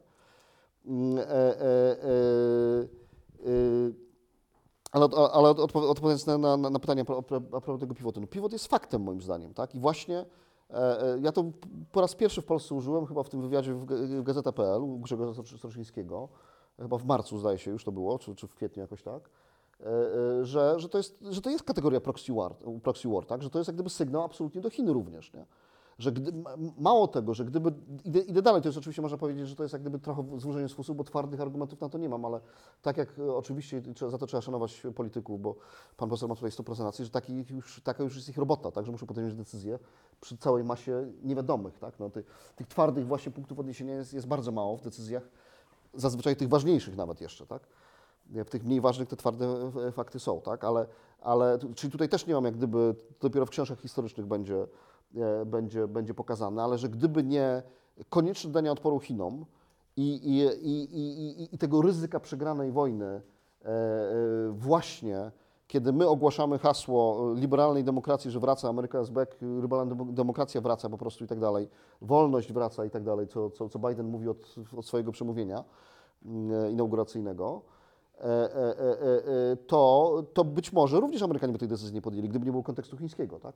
Żeby, żeby nie powstrzymać właśnie w tym miejscu, e, gdzie e, e, autokracje zaatakowały, musimy dać im sygnał, że nie będzie na to zgody, tak? Nie, nie, nie, nie- będzie uległości. E, I, e, e, I w tym sensie, e, nawet w tym kontekście wojny rosyjskiej, mówię, mówiłem to od początku, także to nie jest tak, że w tej chwili to wymyślam, to mówiłem to chwilę po rozpoczęciu wojny, e, e, e, moim zdaniem w perspektywie amerykańskiej był bardzo silnie e, obecny i był częścią podejmowania decyzji. Czyli ten element pacyficzny był częścią podejm- podejmowania decyzji w kontekście wojny na, e, na Ukrainie. Ale jak wojna się będzie kończyć, ja akurat tutaj zakładam, że jeżeli tak mogę powiedzieć, to w, tym sensie jestem optymistą, że, e, e, że wydaje mi się, że właśnie Ukraina wygra. A co, co wygra? No ja, ja, ja, ja definiuję to, co wygra, co znaczy, że Ukraina wygra, a rzeczywiście mało tych definicji jest. Jeżeli osiągnie e, taki model rozwoju państwa, który daje możliwości ekonomicznego i społecznego rozwoju. Ta- Taki, taki model granic państwa, tak? Oczywiście dzisiejsza e, linia frontu tych gwarancji nie daje. Znaczy, dzisiejsza linia frontu daje gwarancję, że Ukraina będzie państwem upadłym. Gdyby chcieć tą wojnę zakończyć tak jak je, na tej linii frontu, która jest dzisiaj. Nie? Więc to, to pokazuje tę skalę, co, co będzie wygraną Ukrainy, tak? Bo oczywiście to nie jest 100% terytoriów, bo moim zdaniem Amerykanie w punkcie wyjścia w kieszeni lewej czy prawej trzymają kwestię Krymu jako pakietów e, elementu do rozmów z Rosjanami. Nie mam co do tego żadnych wątpliwości. Z Donbasem to, to, y, to nie wiem. E, Ale no dzisiaj jest tak, że co napisałem w tym komentarzu na nowej konferencji chyba w zeszłym tygodniu, e, że e, to ewidentnie widać, tak, że gdzieś na przełomie roku zapadły twarde decyzje, że Rosjanie nie chcą ustąpić, musimy przećwiczyć twardy wariant militarny. Tak? Dlatego bezprecedensowa skala, możemy narzekać oczywiście, tak? ale ta skala uzbrojenia, które w tej chwili jest Ukrainie przekazywana, jest absolutnie bezprecedensowa. To jest, e, i w Ekonomiście było pisane, i w innych źródłach amerykańskich też, to jest w ogóle e, e, dwie trzecie całości. To, co jest przesyłane od początku tego roku, to jest w sensie skali dwie trzecie całości wsparcia ukraińskiego w tej wojnie. Czyli to, co było przesyłane w, zeszłym roku versus to, co jest teraz przesyłane, to jest mało pikuś powiedzmy, tak? Co do jakości, ilości i tak dalej, tak? I oczywiście najważniejszym tym elementem, mo- moim zdaniem, jest oczywiście kwestia amunicji. To jest, to, jest dzisiaj element, który tą, tą wojnę na dzisiaj może, może rozstrzygnąć. Ale powoli, i tego też mi trochę brakuje, nie wiem, bo ja z drugiej strony właśnie, e, może pan profesor tutaj e, trochę wie, bądź nie wie, bądź ucholi rąbkę tajemnicy, bo ja na przykład uważam, że w BBN-ie powinny trwać intensywne prace wariantowe na temat e, tworzenia się tego nowego porządku, czy, czy porządku powojennego, bo tutaj jest, jest, może być kilka modeli, tak? Uważam, że wszystkie na poziomie takich ćwiczeń e, gabinetowo-politycznych, przynajmniej w BBN-ie powinny być przeprowadzone po prostu. Różne modelowe rozwiązania, gdzie ta sytuacja politycznie, bo ja podkreślam, no, wojna jest częścią polityki, to, to polityka dominuje nad wojną, a nie odwrotnie. Nie? Więc ten, jakie modele relacji na przykład europejsko, y, europejskie z Stanami Zjednoczonymi? E, e, Jakie, jaki model relacji w kontekście y, różnego zakończenia wojny w Ukrainie, naszej pozycji wewnątrz Europy? No takie ćwiczenia sztabowe, polityczne również się powinny odbywać, tak? E, Żeby, żeby potem politycy, ci, którzy podejmują de, tę decyzję, mieli ten przegląd wariantów przepracowany przez to zaplecze, e, które e, ek- eksperckie, no bo, bo, bo, bo, jak będą podejmowani z- tylko swoją intuicją, no to będzie jeszcze gorzej, bo jeszcze będą mieli mniejszą wiedzę tej możliwości i tak dalej, tak? Więc może się rozgadałem, ale to absolutnie uważam, że ten aspekt pacyficzny był... Tryb przypuszczający. To taka dy- dyplomacja wobec własnej osoby. Y, To ja w takim razie przerwę y, panu pozwolę, wykorzystam, że jest, mogę się wciąć. Y, Podziękuję bardzo. Mm, Dziękuję bardzo państwu, że cierpliwie słuchaliście. Dziękuję wszystkim panelistom, odwołując się do tytułu książki pana profesora Cyber kontra Real. Wydaje mi się, że z naszej dyskusji wynika, że jednak Nie ma Real, pytań z sali? no podawiałem pytania. Wszyscy czy się bali. Są, A, są, no to... A, to y, można bez mikrofonu, czy mam podchodzić? E, podejdę, bo jest długi kawałek. To przepraszam, przepraszam, las bo nie zauważyłem. O. Proszę panów, zarysowaliście walkę w trzech takich obszarach, właściwie w trzech miejscach. Celem wszelkich walk jest człowiek. Pan profesor zarysował wyraźnie sytuację walki o mózg. I ona już jest prawie przegrana, aczkolwiek dla Polski jest, ja nie jestem, jestem co prawda inżynierem, ale nie jestem e, w specjalności IT, więc e, mogę domyślać się, że chyba nie jest tak źle, skoro w ostatnim czasie usłyszałem wiadomość, że Volvo w Polsce otwiera ośrodek badawczo-rozwojowy, mówiąc, że Polska jest najlepszym miejscem do tego typu inwestycji, ponieważ ma doskonałą, doskonałe kadry, które są świetnie przygotowane do właśnie, e, e, do właśnie nowoczesnych rozwiązań na polu informatyczno-telekomunikacyjnym i tak dalej. No nie wiem, jaka, czy, czy w takiej wypowiedzi tego prezesa e, Volvo było więcej polityki, czy, czy może rzeczywistość jest taka, jak on to zarysował. Natomiast walka o duszę przestała mieć znaczenie, to widać wyraźnie, bo nawet ostatnio wyniki badań, że do kościoła w Polsce chodzi tylko 28% społeczeństwa. I o, o, to tylko walczy lewica, która chce w ogóle człowieka pozbawić duszy. E, e, Tam kiedyś siedzieli bogowie i mieli mocną pozycję. Mówię bogowie, bo nie wszędzie był ten sam Bóg. No ale panowie pominęliście walkę o żołądek. Otóż e, to, że puszczają nam teraz jakieś robactwa w telewizji, to nie jest przypadek. Ja od, od dawna twierdzę, już kilka lat temu pisałem, że walka o żołądek będzie podstawą przyszłego panowania. Kto tą walkę wygra, ten będzie panował. Mogę się mylić, ponieważ teraz są oznaki, że jak się, jak się dziecko zabierze smartfona, to on gotów jest popełnić samobójstwo, a jak mu się zabierze pączka, to niekoniecznie. No więc y, jakoś tak tutaj nie mam wyczucia, które, które pole jest bardziej istotne. E, Natomiast z całą pewnością żołądek jest bardzo ważną rzeczą, o czym świadczą ko- korporacje, które się zajmują mm, przemysłem żywnościowym. Coraz więcej mamy mięsa na przykład sztucznego. W Warszawie możecie już kupować nawet tańsze mięso. Sprawdźcie sobie, kliknijcie, mo- możecie mieć z dostawą do domu. Hamburgery ze sztucznego mięsa już zaczynają być, jeszcze kilka lat temu jak sprawdzałem, to były po 80 na przykład 9 zł kilogram hamburgera sztucznego. Dzisiaj już możemy dostać, proszę panów, po 45. A więc świat ewoluuje w tym kierunku i oni zachęcają, mówiąc, to jest jeszcze czyściejsza i bardziej pożywna żywność niż ta naturalna. A o co tu w, w, w, końcu chodzi? Ja jestem człowiekiem, który już ma e, ładnych. No już zaraz będę zadam pytanie. Co Po panowie. ile powinno być to mięso? Tak. Proszę panów, w stanie wojennym nie było mięsa, były puste półki, był ocet. Mój ojciec, widząc taką sytuację, pobudował komórkę i dwa świniaczki hodował. I każdy obywatel może taki wysiłek zrobić w sytuacji zagrożenia. Ale jak będzie sztuczna żywność produkowana, to Kowalski nie zrobi sobie fabryki. A wszystko w tym kierunku idzie, żeby pozbawić ludzi możliwości tego wariantu samożywienia. Sztuczne decyzje s- odgórne, polityczne będą hamowały tego typu zachowania. No ja mam pytanie, dlaczego akurat nie zauważacie panowie problemu opanowania żołądka jako segmentu walki, bardzo ważnego. Bo mo, ja dlatego, że jestem na diecie. Ja mam pytanie do pana profesora o cyber kontra real.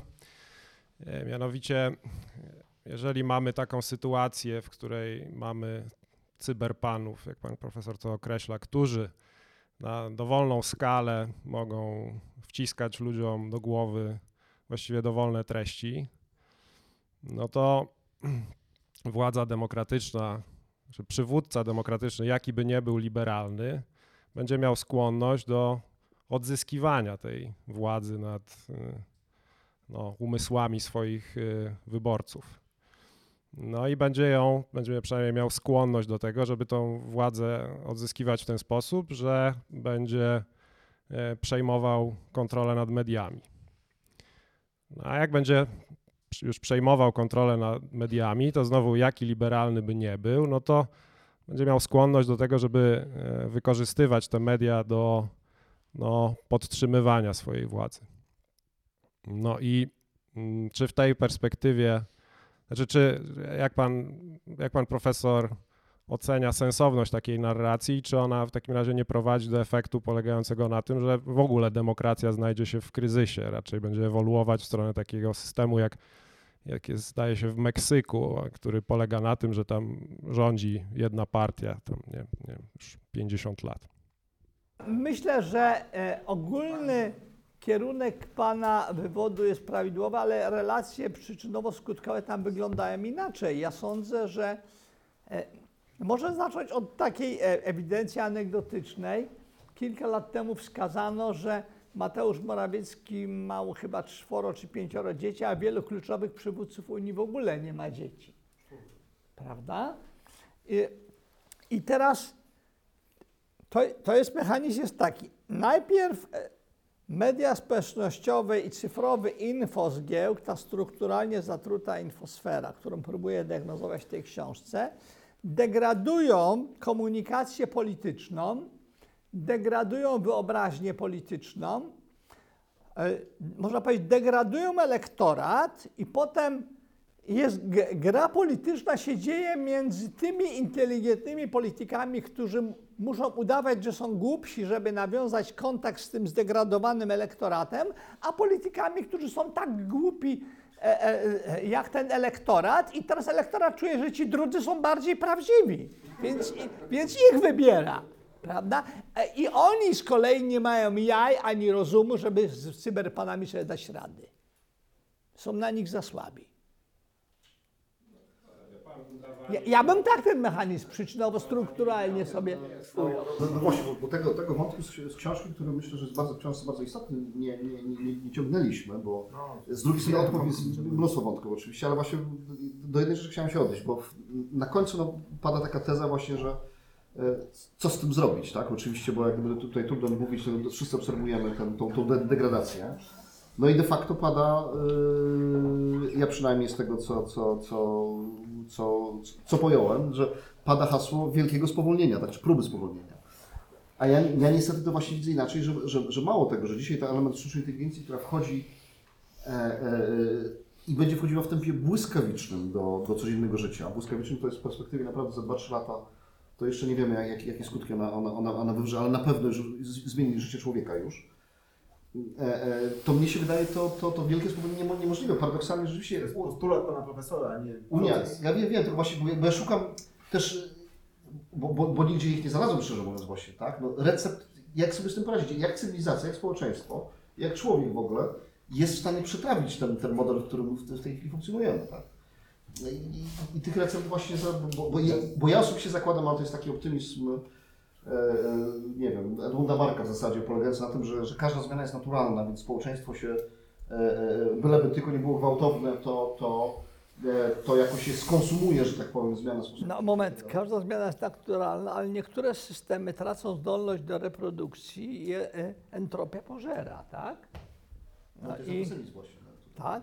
I teraz jest, można przyjąć, oczywiście można to wszystko modelować na różne sposoby, ale przyjąć taki oto model, że kultury ludzkie są pewnymi systemami, które tak długo zachowują zdolność do reprodukcji, do trwania, jeśli mówię językiem Niklasa Lumana, niemieckiego wybitnego teoretyka systemów, zarządzają w odpowiedni sposób między otwartością a zamkniętością. System, który się w pełni zamyka, nie może przyswajać z otoczenia ani energii, ani informacji i w razie wa- zmiany warunków otoczenia nie jest w stanie się przegrupować, żeby przetrwać. System, który się w pełni otwiera, traci tożsamość i się wtapia w, otoczenie. Teraz jest zarządzanie otwartością, zamkniętością. I ludzkie kultury wytwarzały rozmaite mechanizmy tabu, ekskluzji. No można y, listę zrobić, za pomocą której po prostu wykluczały pewne zjawiska, tendencje, mechanizmy. I teraz to, co się, to się wydarzyło w demokracji liberalnej, kompletna destabilizacja semantyki języka, destabilizacja podstawowych osiowych kategorii takich jak kobieta, mężczyzna, fikcja, rzeczywistość, prawda, fałsz, ważne, nieważne i tak dalej, spowodowała, że mechanizmy chroniące systemy społeczne przed chaosem, czyli czytaj przed entropią, jakby zostały poważnie osłabione. Mam nadzieję, że jeszcze to nie jest nieodwracalne, ale poważnie osłabione.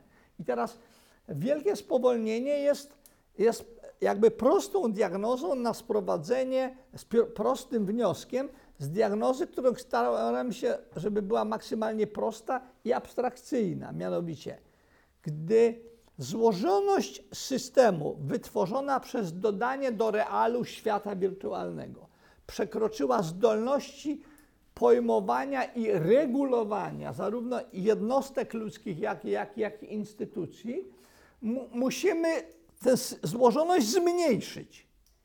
Zmiany następują zbyt szybko, na zbyt wielu polach i zbyt głęboko. I teraz, e teraz i zarazem mówię, żeby nie być romantycznym optymistą, że tego typu racjonalna diagnoza, przyjmijmy, że jest trafna, nie ma szans na bycie przyjętą w tym wniosku, bo żaden alkoholik po fakcie mu się powie, że jesteś uzależniony, nie przestanie być alkoholikiem dzięki temu albo musi mieć ogromne wsparcie, a najlepiej to wsparcie pojawia się przed tym, kiedy do, dozna tak głębokiego wstrząsu, żeby zrozumiał, że musi dokonać jakiejś zmiany. Ja mówię, wielkie spowolnienie jest ofertą, która leży na półce, ale zostanie poważnie, o, nie jestem jedynym, bo tu i tam rozmaici analitycy to formułują, ale zostanie e, poważnie potraktowane jako oferta dopiero, gdy cywilizacja przejdzie o, o wiele poważniejsze kon, konwulsje niż kryzys finansowy 278, pandemia i ta wojna. Musi się wydarzyć coś znacznie straszniejszego, żeby, żeby powiedzieć, oho, musimy to wszystko spowolnić. Ja się chciałem wdać trochę w polemikę z panelistami, bo tutaj padło takie sformułowanie, pa- pan Robert w, w trakcie swojej wypowiedzi powiedział, że Amerykanie będą się wycofywali z Europy e, i się ukierunkowali na Chiny, no bo tutaj Europa nie ma nic do zaoferowania, tak? Ja się, ja się trochę nie zgadzam z tym. E, Wydaje mi się, że w jednej domenie Europa ma szansę, poza tymi, w których przegrywa, to jest mianowicie połączenie tej domeny cyfrowej i energetyki.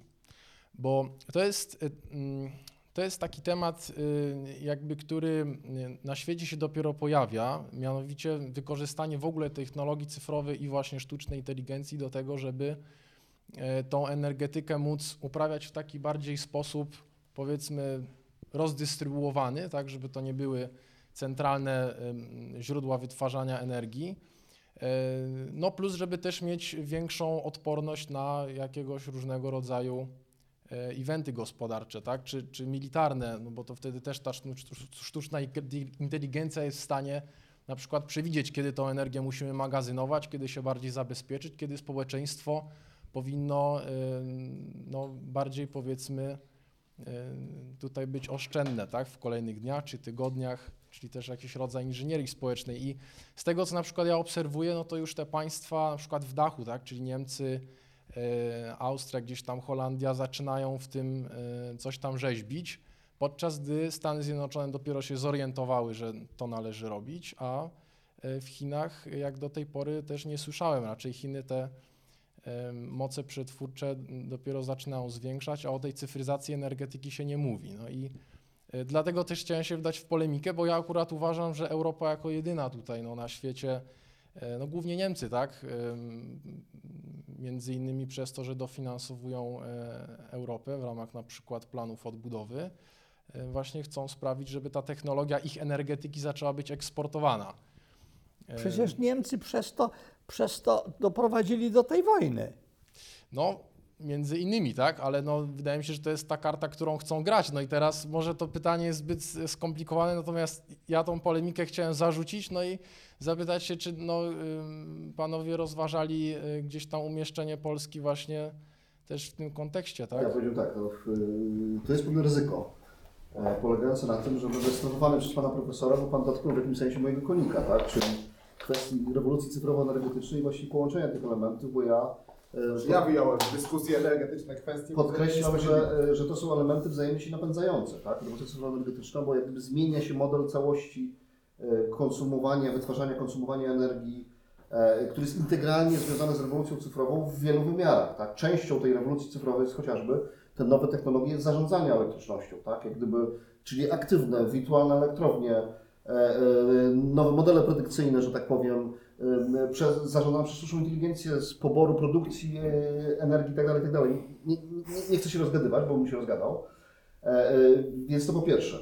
E, A to jest jeden z właśnie absolutnie kluczowych ele- elementów, o czym jako chyba jeden z niewielu w Polsce na łamach Nowej Konfederacji nie tylko tłukę i tłukę po prostu, bo, bo, bo, bo de facto za mało o tym rozmawiamy po prostu, tak? Znając z, z, z konsekwencji, które z, z, tym się, z tym się wiążą. Nie?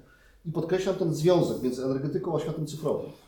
Jako wzajemnie napędzający się, bo każdy element cyfrowy, sztuczna inteligencja, e, e, wszystko będzie oparte na elektryczności, tak? To, to w związku z tym e, ten prąd elektryczny będzie potrzebny na załowanie zawsze i wszędzie, w każdych warunkach. W jaki sposób go zabezpieczyć? Stare modele nie są adekwatne, żeby to zabezpieczyć i tak dalej, i tak, i tak dalej. Więc w tym sensie pełna zgoda. Dalej już nie zgoda, w tym sensie, że Chiny są dzisiaj, i to jest jeden z tych elementów konkurencyjności, Chiny są dzisiaj liderem we wszystkich segmentach nowych technologii wytwarzania i magazynowania energii. Oczywiście Chiny są liderem w każdej technologii, bo węgla też e, e, mają najwięcej.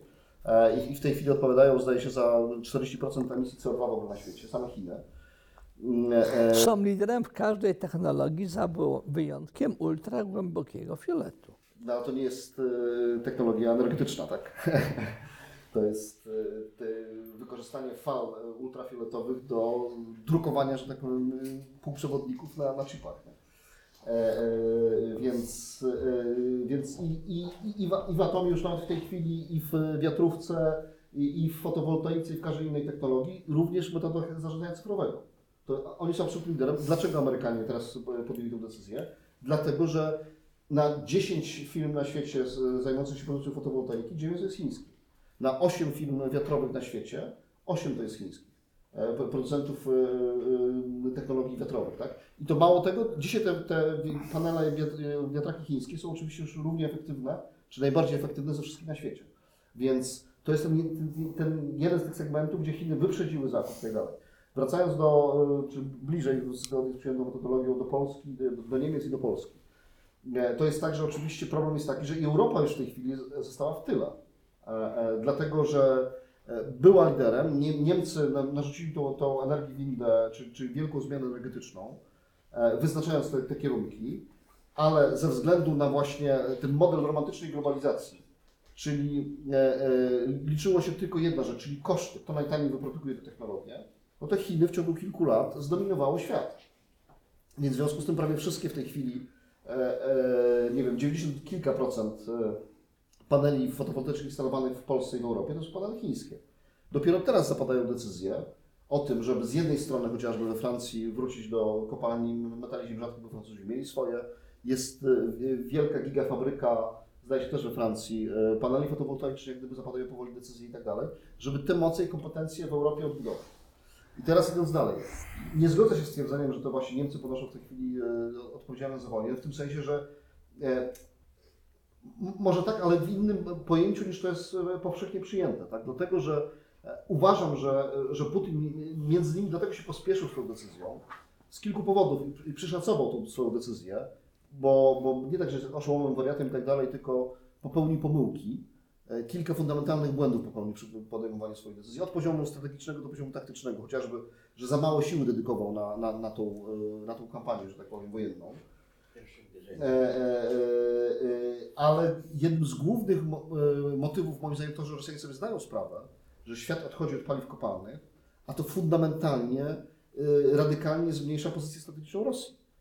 Znaczenie o tym też mało mówimy, że polityka klimatyczna, ja to nawet w dyskusji z Ziemkiewiczem powiedziałem, że powołując się na, na, jego tytuł książkę "Strolo- Strolowanej rewolucji, że ideologicznie koncerny, z czym się zgodzę, bo to fajna teza, że wielkie koncerny globalne, między innymi cyfrowe również, że tak powiem, e, e, przejęły hasło rewolucji e, ideologicznej czy genderowej, że tak powiem, po to, żeby utrzymać kontrolę społeczną, tak? To, to ja dochodzę do wniosku, że hasło polityki klimatycznej też jest hasłem strolowanym z, te, z tej perspektywy, że w perspektywie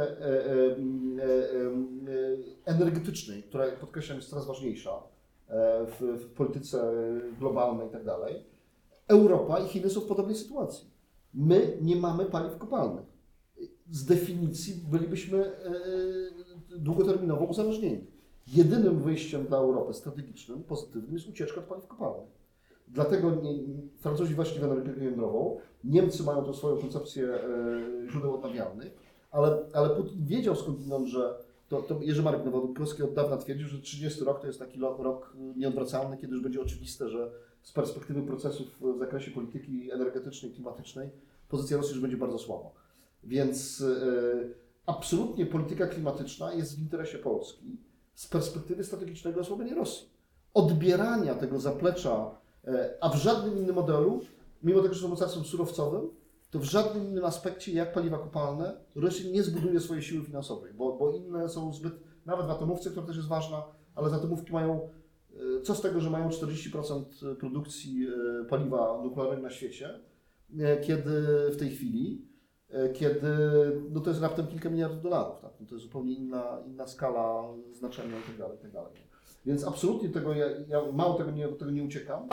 Podkreślam to e, znaczenie, że to jest jak gdyby integralnie ze sobą związane. Ta rewolucja cyfrowa jest integralnie związana z rewolucją energetyczną, wy, wynikającą zarówno z metodami wytwarzania, jak i konsumowania energii, które się zmieniają w czasie, a są związane z tą, z tą rewolucją.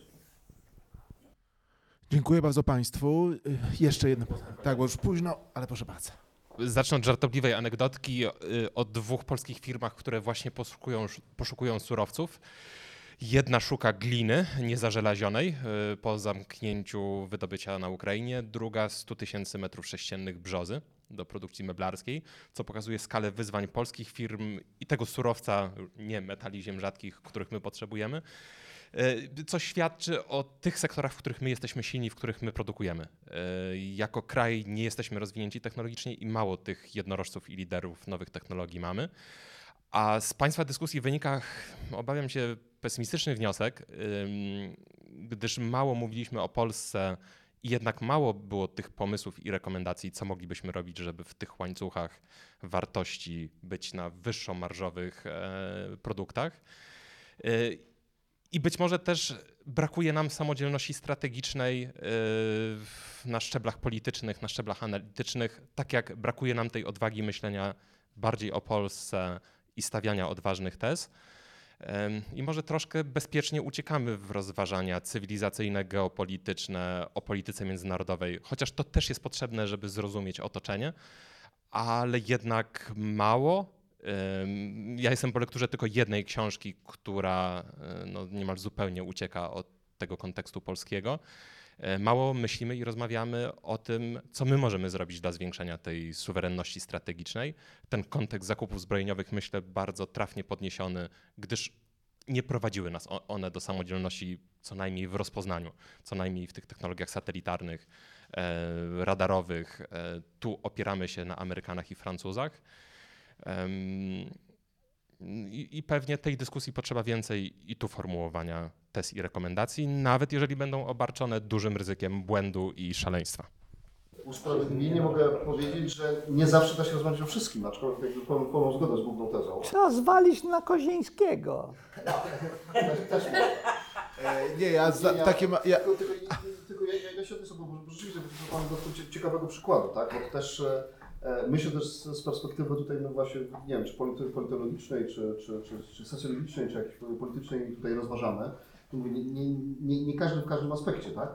Ale z drugiej strony, e, i też mi się nam bliższe jest i Panu Profesorowi i mi, ale w trochę innym wymiarze oczywiście, e, jednak próby podejścia metodologicznego do zjawisk pewnych, nie, nie konkretnych projektów, przykładów, nie? Więc dlatego e, na bazie przykładu, który Pan podał, e, pewien typ zj- zjawiska, nad którym powinniśmy myśleć. Tak? Pan dotknął świetnego przykładu, paradoksalnie się wydaje starego, prostego, czyli drewno, który jest genialnym przykładem, może być, bo rzeczywiście w Polsce jest takie podejście z rozpędu, a nie jest analizowane. Dla, dlaczego? Dlatego, że dzisiaj już doszliśmy do poziomu, jako cywilizacja właśnie, dobrze, jako cały świat de facto, że drewno jest dobrem rzadkim. Więc z definicji nie e, podlega e, e, pełnym prawom wolnego rynku, bo gdybyśmy wyszli z polskim drewnem na wolny rynek, to byśmy wyprzedali nasze lasy w 5 lat pewnie, tak? I byśmy tutaj mieli pustynię. E, Więc wiemy, że wolny rynek w tym segmencie nie jest w stanie działać. E, Więc e, myślenie, w jaki sposób tym segmentem zarządzać, tak? I tutaj właśnie uważam, że, że, że znowuż widać słabość państwa polskiego, że nie potrafi generować tego podejścia modelowego, że zarządzać tym dobrem rzadkim, żeby ocenić, co jest największą wartością dodaną w polskim przemyśle, żeby tak gospodarować tym zasobem rz- rzadkim, ograniczonym, żeby zwiększać e, e, e, te dziedziny przemysłu, które z polskiej perspektywy dają największą wartość dodaną po prostu.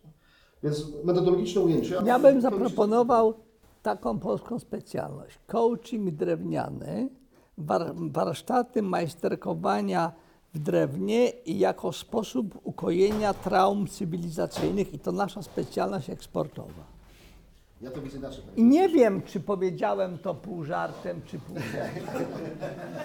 A czyli nie wiem, czy pan powiedział pół żartem, czy pół serio o mnie, ale ja w takim razie poczułem się wywołany do tablicy, bo sam fakt, że tutaj panowie, bo ja jestem dla Polski z jednej strony bardzo wyrozumiały, bo i z drugiej strony mam, jestem bardzo pozytywnie nastawiony i dużym optymistą, ponieważ musimy pamiętać o warunkach brzegowych, jakie postępujemy. Nie mamy 200 lat, ponad 200 lat ciągłości państwowej jak Stany Zjednoczone, czy ponad 1000 lat ciągłości rozwojowej jak Wielka Brytania czy Francja. Polska zachowała ciągłość państwową, ale doskonaliliśmy wszystkim nasz kapitał przetrwania, a nie doskonaliliśmy nasz kapitał rozwoju. Mieli, mamy na, to, żeby szukać swojej szansy i samemu wykuwać swój los 30 kilka lat, z czego ponad połowę z tego czasu w ogóle straciliśmy na prostowanie rzeczy, które powinny być proste dawno temu, a nie są. Także a z drugiej strony właśnie Pana przykład pytania, czy wcześniejsze wątki, pokazuje skalę naszej ambicji. To, że Polska, użyję teorii gospodarczej, ale w, y, w przełożeniu na politykę takiej, stała się takim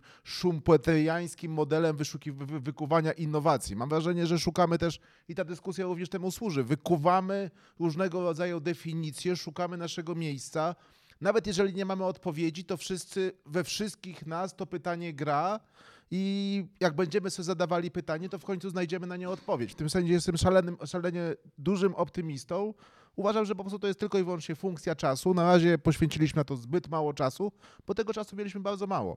Ale mamy, mam nadzieję, że Ukraina będzie na tyle skuteczna, że ten czas jeszcze nam da tego czasu więcej i zdążymy ten czas skutecznie wykorzystać tak, żeby znaleźć odpowiedzi na te wszystkie pytania, które tutaj trafiły. Także dziękuję bardzo naszym panelistom, dziękuję bardzo panu profesorowi Andrzejowi Zrebetowiczowi, dziękuję bardzo panu Robertowi, ojejciu, już zmęczyłem, Kureszkiewiczowi, przepraszam bardzo, y, za wasz udział, dziękuję bardzo za wasze książki wydane przez Nową Konfederację Cyber Kontra Real oraz Polska w Nowym Świecie i zapraszamy na kolejne debaty.